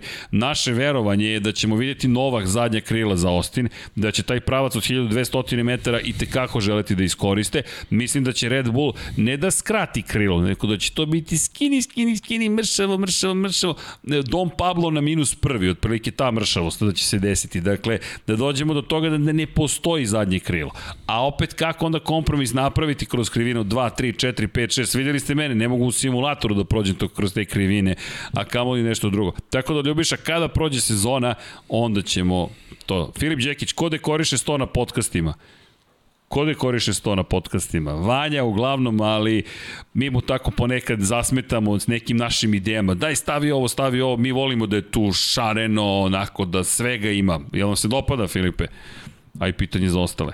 Uh, Nikola, k- t- pitanje u 23 časa tek, kako ne ranije? Pa kad su počela ranije, da, dobro da nije u 23.30. Uh, Da li znate šta se dešava sa velikom nagradom Kine, zašto je nema u kalendaru već drugu godinu za redom i neće biti u kalendaru za iduću godinu, velike pozdrav sve u studiju. Pozdrav, Eldare. Korona. Korona. Bukvalno to je jedini odgovor. Jednostavno, bukvalno to je odgovor. I dok se ne reši ta situacija, verovatno Kine neće biti. Kada to prođe, kada god se to desi, onda verujemo da će se vratiti na, na tu situaciju. E, imamo ovde da li iduće godine postojati DRS po konceptu oblik su više čudan, ali nije ukinut DRS. DRS veruju da će biti ukinut u jednom momentu, međutim dok ne budu sigurni da koncept funkcioniše, ostavlja se DRS. Makar je to poslednja informacija koju mi imamo po pitanju DRS-a za 2022. i slažem se prosto, izgleda zadnje krilo kao da ne pripada tom konceptu. Da, ali uzmite obzir, ovo nije konačni izgled da, bolida, da, da. ovo je ono što se zove koncept, otprilike bi ovako trebalo da izgledaju. Da, da, evo, baš gledam i odličan dekor. Imaš tam zap, Vanja, hvala. E, ono što je e, pitanje sada jeste upravo to, kako će da izgleda bolid na kraju celog razvojnog puta. I ne samo to, ajmo da se vratimo malo unazad. Kako će bolid da izgleda posle pete trke, posle desete trke. Ljudi, naredne godine, evolucija tog bolida, mene to fascinira. Šta će kada se, kada se dočepa Adrian Newey da uradi s tim bolidom? Šta će da uradi ekipa Tota Wolfa i Mercedesa koja ostaje bez velikog broja inženjera? To će isto sledeći rat inženjera je već počeo kupovine inženjera. Možda se Adrian Newey folirao, možda samo sedao i čitao nova pravila. Da, mo, e, pazi, i da se nije folirao, cenim da je sedeo i čitao. Inače, uh, da, evo Muki Alex DRS će ostati, ali će imati manji efekat nego sada. To je ono što mi imamo od informacija. Inače, Srk, Srki... A, nisam razumeo Nikola M. Srki izvukao se iz konteksta to 23 pitanje bilo kada su kvalifikacije trke po našem vremenu i da izvinjavam se, sam pomislio da je Q zapravo Q&A. Uh, pa Sjedinjene američke države to je prosto, izvinjavam se, nije, nisam izvukao iz konteksta, samo nisam razumeo. Ne znam da li je to bolje ili gore, ali u svakom slučaju ne nikakva namera, samo prosto nisam shvatio. A kada je reč o Americi, pa ajmo da samo proverim još jedno da budem 100% siguran. Da, kvalifikacije su 23.00, trening broj 1 18.30, u petak 22.00 trening broj 2, trening broj 3 20.00, kvalifikacije 23.00 i trka od 21.00. Na, u, kada je reč o lokalnom vremenu, znači, to stižeš. Su, pa, pazi, teoretski, teoretski bih mogao da stignem, ali ali da, mada mi možemo, ja imam kodek sa sobom, imam telefonsku liniju, sve što mi treba u to, a, ja ću ovo da predložim tehničkom direktoru sport kluba stanemo negde na pumpu usput, izvodimo kodek, prikačimo se i komentarisanje trke. Ne, zamisli iz, kamion, iz kombija da komentariš. O, to bi bilo spektakularno. Pa jo, nadam se da slušaš ove lude ideje i da si spreman. Da, tako da eto, nije nemoguće, ali da, u 23.00. Veliki pozdrav društvo, veliki pozdrav. Hoćeš i G pitanje. Deki Andrić. Da, naravno. Ima dosta, hvala mu, dosta pitanja ima, izdvojit ću samo neka vezana za formulu i u stvari generalno za, za automobile. Kolike su šanse da sport klub prenosi sledeće godine e, trke Filipa Jenića? Kako to ide? Pa kako to ide? To ide tako što zapravo se kontaktira organizator šampionata, proveri ko ima, auto, ko ima pravo za prenos zapravo samih trka. Na YouTube-u postoji otvoreni kanal koji prenosi sve trke, bukvalno je kanal posvećen šampionatu Španije, Formule 4, i kako to funkcioniše, obično ekipa zadužena, rights menadžeri takozvani, zaduženi za prava, stupe u kontakt sa organizacijom određenog sporta i pitaju koliko to košta i dobijete na upit dobijete odgovor to košta toliko znači, i toliko. Slaže se paket u principu Tako sa više je. strana, da. Jeste i onda uđete za ta manja prvenstva, to je manje prvenstvo koliko god je nama uzbudljivo i veliko, obično to ide uz nešto. Dakle, može da se desi da je vlasnik prava kako bi promovisao sport ili prodao veću količinu sadržaja koliko god to zvučalo kao da je na kilo, ali obično to tako ide, pa konačno i umetnosti, umetnička dela se mere po površini, što veće umetničko delo, veća cena, u početku dok ne, ne dođe do toga da je posebno iz perspektive ljudske civilizacije, percepcije, želje da se posjeduju i tako dalje. Tako da mi onda dobijemo ponudu i na osnovu toga uđemo, pa obično se uđe u pregovore, pregovarate i dođete do nekog zaključka, kažete ok, platite to, dobijete tehničke instrukcije kako da tome pristupite i to je to. Kada su otvoreni sadržaj kao što je ovaj na YouTube-u, cena je prosto niža, pošto nema ekskluzive. Kada je ekskluziva u pitanju, to košta više i to je manje više proces. Još jedno. Da. Šta misliš, isto, isto Dekijevo pitanje, da li u pisanju nekih pravila Liberty Media FIA treba da se konsultuju i sami vozači? S jedne strane da, s jedne strane ne, to jest treba pričati sa vozačima, mora da, mora da se priča sa njima.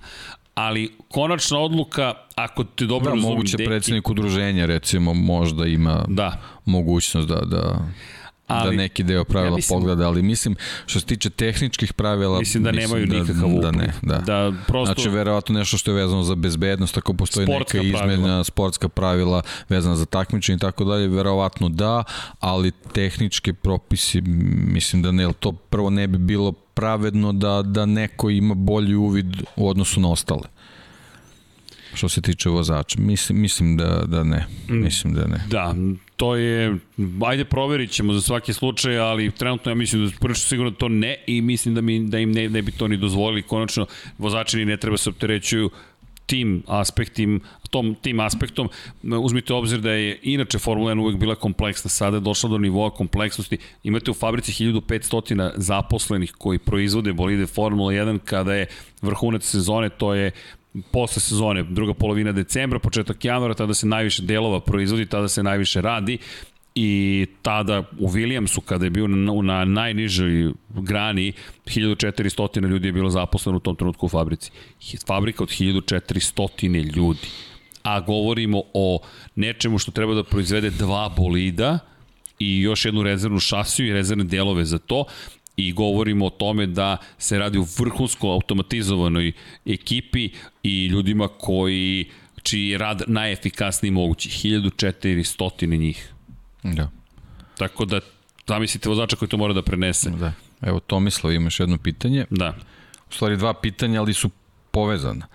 A, da li mislite da je napredak Ferrarija ovaj skorašnji ovaj skorašnji napredak povezan sa dolaskom Domenikalija na čelo F1 grupe, to je jedno pitanje, i onda nastavak, da li će Ferrari ponovo biti veliki igrač i konkurent za titulu sledeće godine i opet imati uticaj u F1 zbog gore navedenog Domenikalija, iako su možda i u nekim lošim odnosima. Pa tehnički gledano ne vidim da im je Domenicali išta pomogao. Prosto razvoj ovog motora je davno počeo. Pogledajte samo koji su to razvojni ciklusi. Upravo pričamo o tom broju ljudi koji je neophodno da se nešto napravi. Mi govorimo o vrlo sofisticiranoj tehnologiji. Domenicali ništa tu nije mogao da učini. Nije promenio ni jedno pravilo, nije čak ni donio neku odluku koja pomaže Ferrariju naprotiv. Ferrari je M bio kažnjen pre dve godine.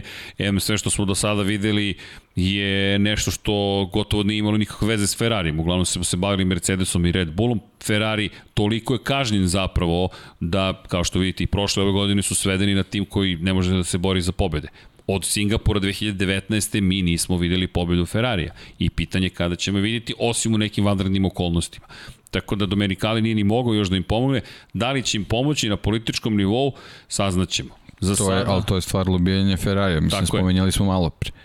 Što više ekipa koje imaju tu moć, tu možemo da očekujemo izjednačenije takmičenje. Jeste. Ferrari je pokazao kroz istoriju da, da ima naravno načina da, da, da, da na taj način ovaj reaguje na određene stvari, pre svega to pravo polaže i zbog toga što je najstarija ekipa tu i svi znamo da ta Formula 1 ne bi bila ista da Ferrari nije u njoj, tako da neki uticaj mora da postoji ako je taj Ferrari onaj Ferrari kako znamo kroz, kroz istoriju. E, Ok, to je to. Opala je ozbiljna prozivka. Friday i Fry, za koju godinu zamišljam Srke kao Valtera Kostera? Čoveka koji je postavio najduže pitanje u istoriji Formule 1 za oni koji ne znaju. Da. Da. Evo ti još jedno pitanje, izvini, Marko Milaković, pričali su da će u Americi na Red Bullu i Alfa Tauri pisati Acura umesto Honda zbog tog tržišta tamo. Da li ima šanse da se to desi? Uh, to se dešavalo ranije, ali to, to zavisi od Honda i njihovih marketinških odeljenja. Ayrton Senna je na, na McLaren Hondi ovaj, nosio Acura čak i na kacigi pisalo umesto, umesto Honda. Ne mogu samo da se setim da je tad bilo isto u Americi, ali ta, ta sezona recimo je, je bila ovaj, bila, bila je upečatljiva po tom pitanju i zamjeni natpisa, tako da postoji mogućnost, zašto ne? Njima je, njima je Acura u stvari ključ, ključni brend u Americi, tako da, da ako, ako marketinško odeljenje Honda to odluči, to će se desiti.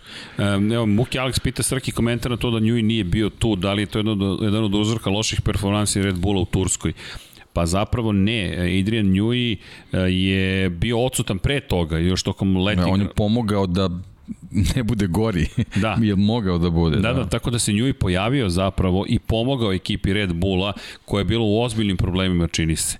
Tako da je pomogao zapravo Njui, ali slažemo se s vama da i njegovo odsustvo zapravo uticalo vrlo negativno na ekipu Red Bulla. Svaki detalj mora biti na najvišem mogućem nivou ove sezone. Pukulno takva je sezona. Pozdrav za sve u studiju, Stanko Bezbrdica. Šta mislite da li bi bilo pravednije da se za pol poziciju zbroje 2-3 najbrža kruga? Sad, pa dobro, to da, je, to bilo je. je tih pokušaja, ali ne znam, meni odgovor, ja volim kada je taj jedan krug jer je pritisak ogroman. Ne smete da pogrešite, morate da, ono što, s čim ja imam problem jesu žute zastave koje utiču, ali prosto morate da poštujete bezbednost i sad kad kažem problem, nije problem, prosto mi je žao što znam da će u jednom trenutku neko napraviti grešku da će žute zastave uticati na nekoga, ali Q3 traje 12 minuta. Ako vi znate da su šanse velike da se desi da, da se pojavi žuta zastava. Što kažu, put it in a bank. Stavite na račun jedan brzi krug i onda idete na sve ili ništa u tom poslednjem izluku. Da i vi možete nekome da pokvarite krugove, što kaže Kimi Konen u Brazilu, koja je 2012. kada se okrenuo.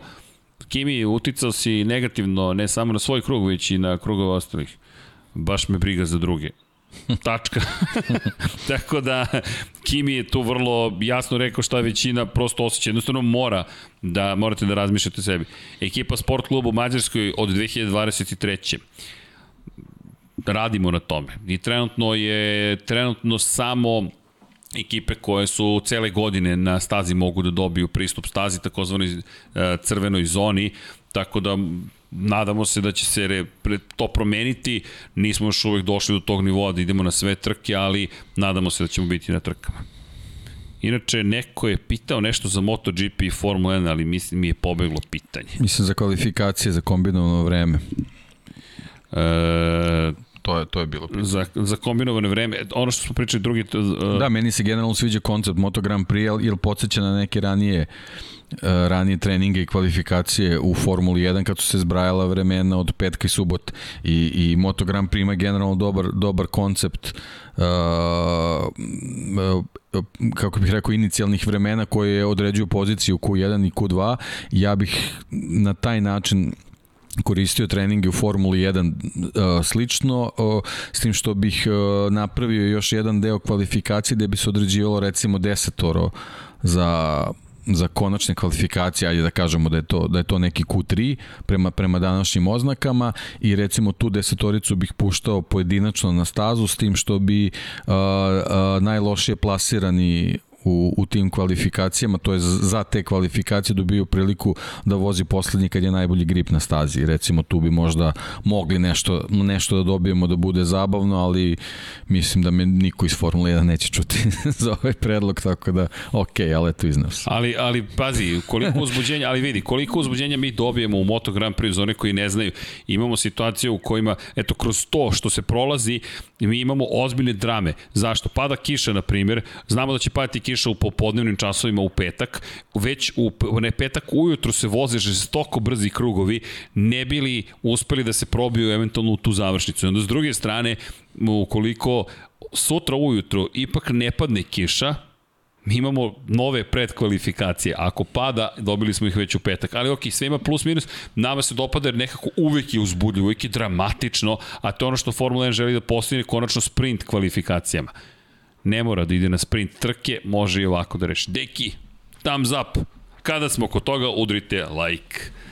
Udrite like. Ne... Muhamed ima jedno pitanje. Da. Ovaj, vezano je za ponavljanje istorije. Uh, i, je li ovoga sezonja posvećena 2005 i duel Schumachera i Alonsa zato što Schumacher u tom trenutku imao sedam titula, a uh, uh, Alonso je bio početnik koji jurio svoju prvu titulu, a posle dominacije Ferrarija stiže taj Renault i otprilike ga podsjeća uh, ova sezona na, to jest dominacije Mercedesa i Luisovi pa, sedam da. titula i neki Novajlija koji juri, juri svoju prvu krunu. Otprilike da, to je to. Je to. Pa to je ono to je što, je, što Francuska mi je tako delovala, moram ti da. priznati, ta velika nagrada Francuske. Ali u ovom momentu mi imamo ne pričamo više o tome. Trebamo u stvari Alonso da pitamo da li ga ova sezona posjeća. da, da, da, Alonso, Alonso. On zna iz prve ruke. Međutim, Velika Britanija i Mađarska, to su dve trke koje su u velikoj meri uticale na stanje u šampionatu sveta. Sada ne želim nikakvu kontroverzu da, da pokrećem, ali činjenica je da su to ostavili timovi po strani za sada i to moraju da učine. Nema vraćanja nazad. Tu je Max Verstappen bio impresivno jak, psihički, prosto fokusio na onome što mogu da učine, ali činjenica je da su te dve trke značajno promenile odnos snaga i od tog momenta od kada je uhoćen priključak nekako ni Mercedes ni Lewis Hamilton ne puštaju prosto. S druge strane Max Verstappen i Red Bull takođe ne odustaju i to ono što je malo drugačije, ali malo samo drugačije. Kada se vratimo na tu sezonu i tada je bilo mnogo drame, ali ta trka, možda ćemo o toj trci pričati na kraju godine, na primjer Francuskoj ili nekoj drugoj, to je taj moment. Zašto? Zato što je tada pretekao Max Verstappen i Bottasa i Hamilton u direktnim duelima ali vidjet ćemo, možda ćemo pričati o nekoj drugoj trci kao ključnoj, ko šest, šest još ima do kraja. Ono što je prelepo, uzbuđenje koje trenutno se stvara oko Formule 1 i ne samo to. Mi nemamo odgovor na pitanje neko će pobediti, ko će biti na pobedničkom postolju, pa to ne može da bude savršenije, jer nije poenta da mi sad odjedno kažemo bit će pobedići taj, taj, taj, taj. Super ako mi možemo da argumentovano dođemo do nekog zaključka ili kažemo, ej vidi, osjećaj mi je taj, taj, da pogodiš i kažeš super, kao Dom Pablo da za Tennessee Titans se što reče, pobedit će Buffalo Bills. Niko nikad osim Dom Pablo i bio pravu. Ili nas pobedio Dom Pablo ove, ove nedelje u prognozama? Jeste. Uf, dominacija, dobro. Uh, Edin Čomor, ne znam da li ste upućeni s obzirom da Pirelli daje preporučene prijateljske gume. Da li gume dolaze i ispuhane timovima ili ne? Pa ne dođu pripremljene, ali vi dalje kontrolišete kakav će pritisak tu biti. Da nije Šumi otkazao motor u Japanu, boga mi blizu osma. Pa to sad vraćamo pa, se, ali... Kad bi, da bi. Tako I je. ova sezona će biti čupo što se tiče Jest. pouzdanosti. I mislim da je pitanje. to u stvari ovaj, ključna stvar za, za ovaj finiš šampionata, koliko će ta pouzdanost da, da utiče u, u, u, ovaj, u rasplatima trka.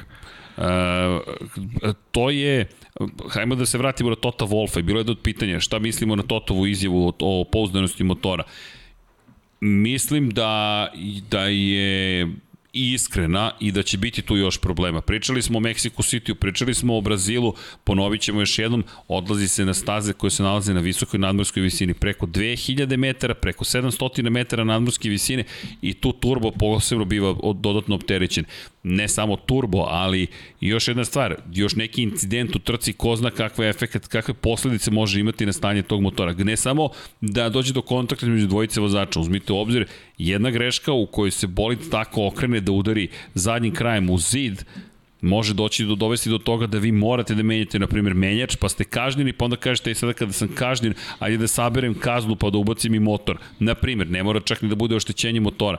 Ima mnogo kombinacija i to čini sezonu još, još uzbudljivije. A inače, Markan pita šta mislite o tome da neko tko je kažen mo, uh, moguće nekog zadržava iza sebe i time utiče na ishod trke. Pa to je sastavni deo planova ponekad timova. Timovi imaju pravo da to rade, sad da li nam se to dopada? Ne. Da li je sastavni deo sporta? Da. Da li samim tim to analiziramo u kontekstu toga šta bi moglo da se desi? Svakako. Tako da nema pravila koje kaže ne smeš to da učiniš, a dovoljno je malo samo da usporiš nekoga. Inače, evo, Friday Fry, predikcije za trku u nedelju, Kimi će imati problem sa pićem. da, nažalost, vrlo verovatno, ali, ali nije nemoguće. Dobri, ko je, ko je ovaj pobedio u anketi? Uh, Max Verstappen 56 odsto, 339 glasova, Lewis Hamilton, Lewis Hamilton 19 odsto, Valtteri Bottas 6, neko četvrti 19. Sad to Opa, znači zanimljiva trka. Norris, Leclerc, Ricardo. Pazi, možda Ricardo uđe u Wrangler broj 3 i kaže, ok, sad ide intimidacija. Muamer Dostović, ako možeš pogledati, da na Instagramu, bih ti zahvalno, hoću Muamere, redko uspem da prođem kroz ceo dm, kroz poruke na Instagramu, toliko stvari trenutno imamo, verujte, sam put za Mizano, ja se izvinjam, ali nadam se da će sledeće godine biti malo opuštenije organizacija, da ćemo imati neke nove stvari, ali da će biti manje zahtevne organizacijono. Samo u da se ode, verujte, papira tona. Bukvalno tona papira da, bi, da bismo mogli da odemo, ali i to je deo posla, ne želim se, samo što ponekad pobegnu, pobegne vreme. Deki, hoćemo polako da... Pa, polako, to je polako to. da se pozdravljamo. Da. 23, 36. Ja se nadam da, da ste se zabavili, da ste uživali. Nema nam paje, tako da smo mogli da budemo ozbiljni ovoga puta. ne može da odgovori ništa. Šalim se, nedostaje nam paja, prosto nekako čudno je paja, čelični čovek. Vanja, zapiši ovaj datum, ovo je prvi put da, da nema paje. Teško je. Teško je, da. Ali da, pozdrav za Paju, nadam se da je dalje prati i da uživa polako sa lektirom i da se spremiš za pismeni. Pitaćemo sledeće nedelje.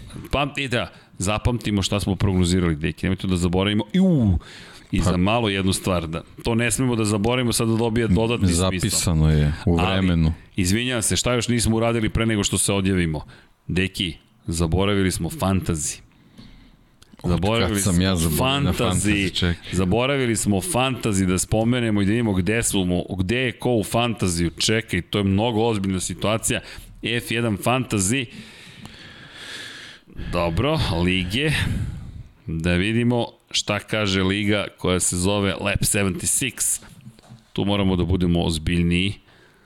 Sledeće godine da budemo Au, ja sam 643 1100 ljudi. Not good, not good. Uglješa E na poziciji 1. Durok 3050 poena.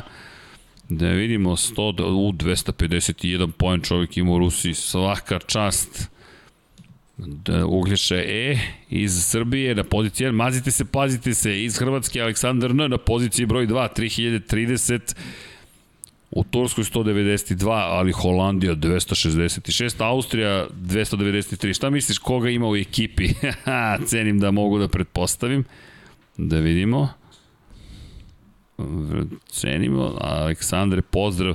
Momčilo Team Death je na poziciji broj 3, 3029,5, Momčilo iz Srbije, Tarik na poziciji 4 iz Bosne i Hercegovine, 13 Racing V1, 3000 poena, F1 Hold'em, Anka, je to Anka koja nam je u četu? Anka, javi se Anka, javite se Anka zapravo. Koji si na tabeli? 640 i neki. Ja ne znam, meni piše da sam 133. O, Ali ja ne znam je li ovo tačno. Je, je li ovo, je li ovo... Ja ne zna, pa ako može neko da mu pročita. Čekaj, evo sad, sad ćemo za, za ove sa, sa, sa jeftinim ulaznicama. Je li to to? Vanja, Ćao svima. Ajde, ajde, gasi to. ne, čovjek nije... A, u, čekaj, vidim koliko sam imao. Jesi 133. si. Kako je to moguće? Koga ja imam uopšte ne, nemam pojma, ali deluje mi da je moguće. A ima Hamilton... Verstappen, Leclerc, Gasly, Norris i Russell. O, Jel deki, moguće? Russell, Russell. Jel moguće? Bravo. U, čoveč. Čekaj, ja imam Russella. Zašto sam je onda 643? A, Imam 2780 a bodova ne, ukupno. Ne, slušaj. Ove nedelje 189. Ja su ne znam je li to... Znaš ko je u mom timu? Perez. E, Sergio, Ser, imenja, ime moje. Inače, stali smo kod Anke. Anka, peta pozicija, F1 Hold'em iz Srbije, na poziciji broj 5. Mario iz Hrvatske, Zvjerka N, pozicija 6, 2, 9, 9, 6 poena. Vlada, Vlada 2-2, Drag, Vlada 2-2, Dragan vodi tu ekipu iz Srbije 2983,5, ali, ali, ali, ja ovde primećujem wild cardove kod Duroka, mazite se, pazite se, F1 Hold'ema, Šta je to uopšte? Uh, pa imaš... Uh, šta, ne. Pa ja to ne koristim zna, uopšte. Jao. da, sad pred Imam kraj. nešto free 6 od 6. Šta je Jel to? imaš MD? Mega drivera, ili imaš? Ne. Nema, ili imaš na raspolaganju negde? Imam samo Leclera koji je napravio touchdown, tako Ne, mi ne, piše. ne, ne, ne, ne, ne, da li imaš mogućnost da izabereš Mega drivera? A gde to gledam uopšte? To nije ovde, rank team points, subs To bank tamo kad podešavaš tim, odeš na tim i podesiš, ok. Dobro, posle ćemo Da. to, ne, ne, Daj na mečku da tri tačke Stefan P, daj na mečku da se igramo. Stefan P iz Bosne i Hercegovine, osma pozicija 2-9. Manage, je li tu? Manage, ne, ne, Ne. moguće. Manage, Dobro, MD, Tino je, imam jedan i imam Joker jedan. Imaš, imaš i, dakle imaš wild card i imaš MD, imaš Mega Drivera, možeš i u prvih je. 100 da budeš. Opa, Tako je. U, idem, I mogu da Opa. zamenim svu šestoricu, u stvari pet vozača i tim, znači sve mogu da zamenim. imaš wild card. A šta je to, gde je to? Imaš džbadeki, pa, pa sad si se uspilio. 606 je free i imam 2,7 miliona slobodno, ne znam šta je ovdje. Ništa ne diraj. To ti moja topla preporuka. Ništa ne diraj, postavio si ekipu kako treba. Inače, Misliš da je to to? Uh, ja. Dobro, zapamti šta si rekao, evo ne diram ništa. Ne, ne vidi, pa nemoj sad da mene da svedeš Enter, uspeh gotovo, ili neuspeh. To je to. Dino je, Dino je na poziciji 9, 2977,5 i Stefanov leteći cirkus iz Srbije, jedan i drugi momak 2977. Okej, okay. ovo je ozbiljna situacija. Ja sam 643. Da. Pa dobro, koji si ti 100? Nemam pojma, šta sam rekao, 133. Čekaj da te 100, nađem. 100, ne, 133, da. Dejan Team 1, Dejan P piše lepo, 2780. Čekaj, vidim gde si osvojio poene. U Turskoj 189. Dobro. Deki, šta ti kažem? Razbijaš. Možda je negde bilo i bolje. Razbijaš, ali svaka čast. Dobro.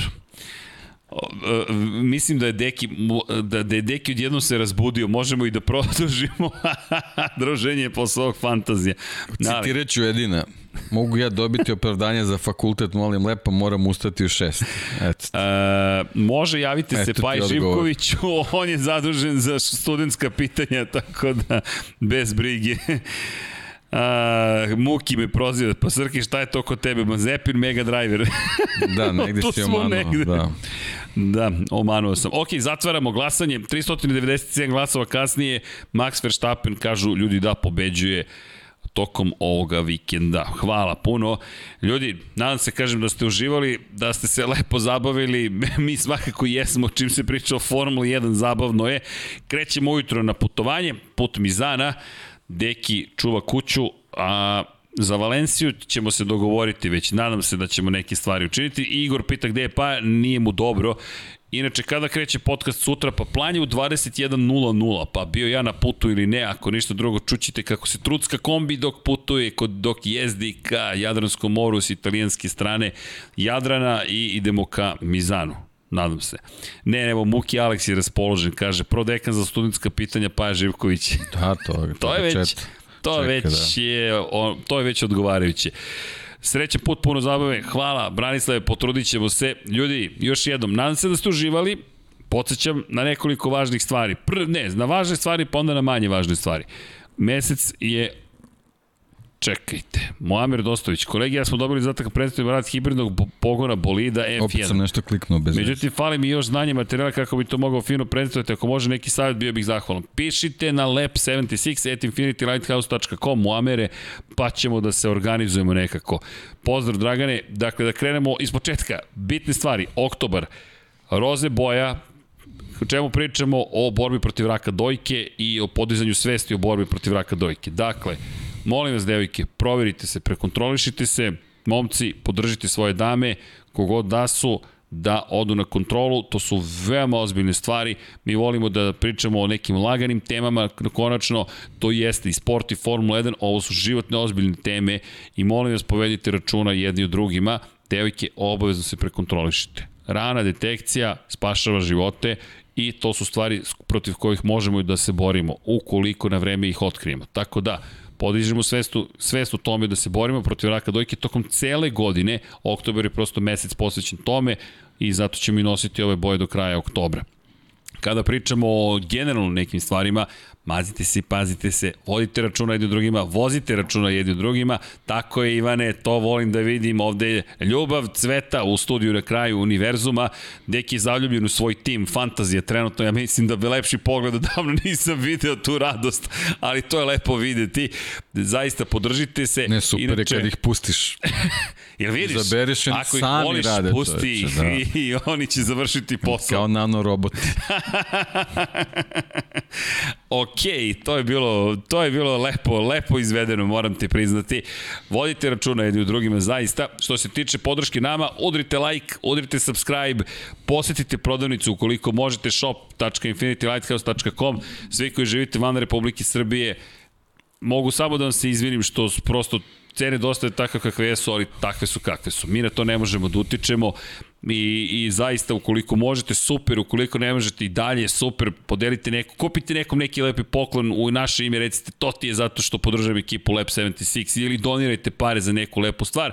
917 ukucajte u telefonu, ukoliko ste u Republici Srbiji, pošaljite na 3030, ajmo da pomogne jednom momku kada je reč o njegovom vidu, na pola puta smo i ne poznajemo dečka, prosto nekako nam je zvučalo kao da je nešto vredno borbe, sporo to ide, prosto da bi se proširila priča, mi pokušavamo to da učinimo. Mi smo relativno jedna mala ekipa koja je to, srčana ako ništa drugo, pa ukoliko možete super. Human 917455 u Švajcarskoj, da vidimo da li možemo tom momku da pomognemo ima još i momaka i devojaka i deci i starih kojima treba pomoć, pa da mi to nešto učinimo, to bi bilo lepo i pozitivno. I naravno, uživajte u vikendu koji je pred nama, gledajte Formulu 1 na sport klubu, naravno gde drugde, pratite i Moto Grand Prix, bit će zabavno, ja se nadam tokom ovog vikenda malo ćemo da otmemo možda društvene mreže ekipe koja to inače radi, pa pratite Infinity Lighthouse, eto to možete da ne zapratite, instagram.com kroz Infinity Lighthouse, patreon.com kroz Infinity Lighthouse i tako dalje i tako dalje. I obavezno kupite, pročitajte knjigu mog dragog prijatelja i kolege Dijana Potkonjaka, preponosni smo i dalje i verovatno će vas gnjaviti još, ali to je deo Do priče. Do sledeće knjige. Do sledeće knjige, tako je, deki, sad koliko će to da traje, ko to zna, čudni su putevi, kosmički, tako da pratite ove kanale i nadam se da ćete uživati, a mi se čujemo i vidimo koliko sutra, pa možda i u petak 99 yardi iz Italije, pazi, to ćemo da izvedemo i onda narednog vikenda Paja, Deki i moja malenkost, nadam se ponovo na ovom mestu. Ljudi, ljubimo vas i volimo, uživajte u ostatku večeri i naravno ostatka dana, vikenda i svega ostalo kada god ovo da slušate i, i ovo je vreme za kraj odjeve. Ha? Reci, nije duže od uvoda. Ali, ljubimo vas. Ćao svima. Ćao.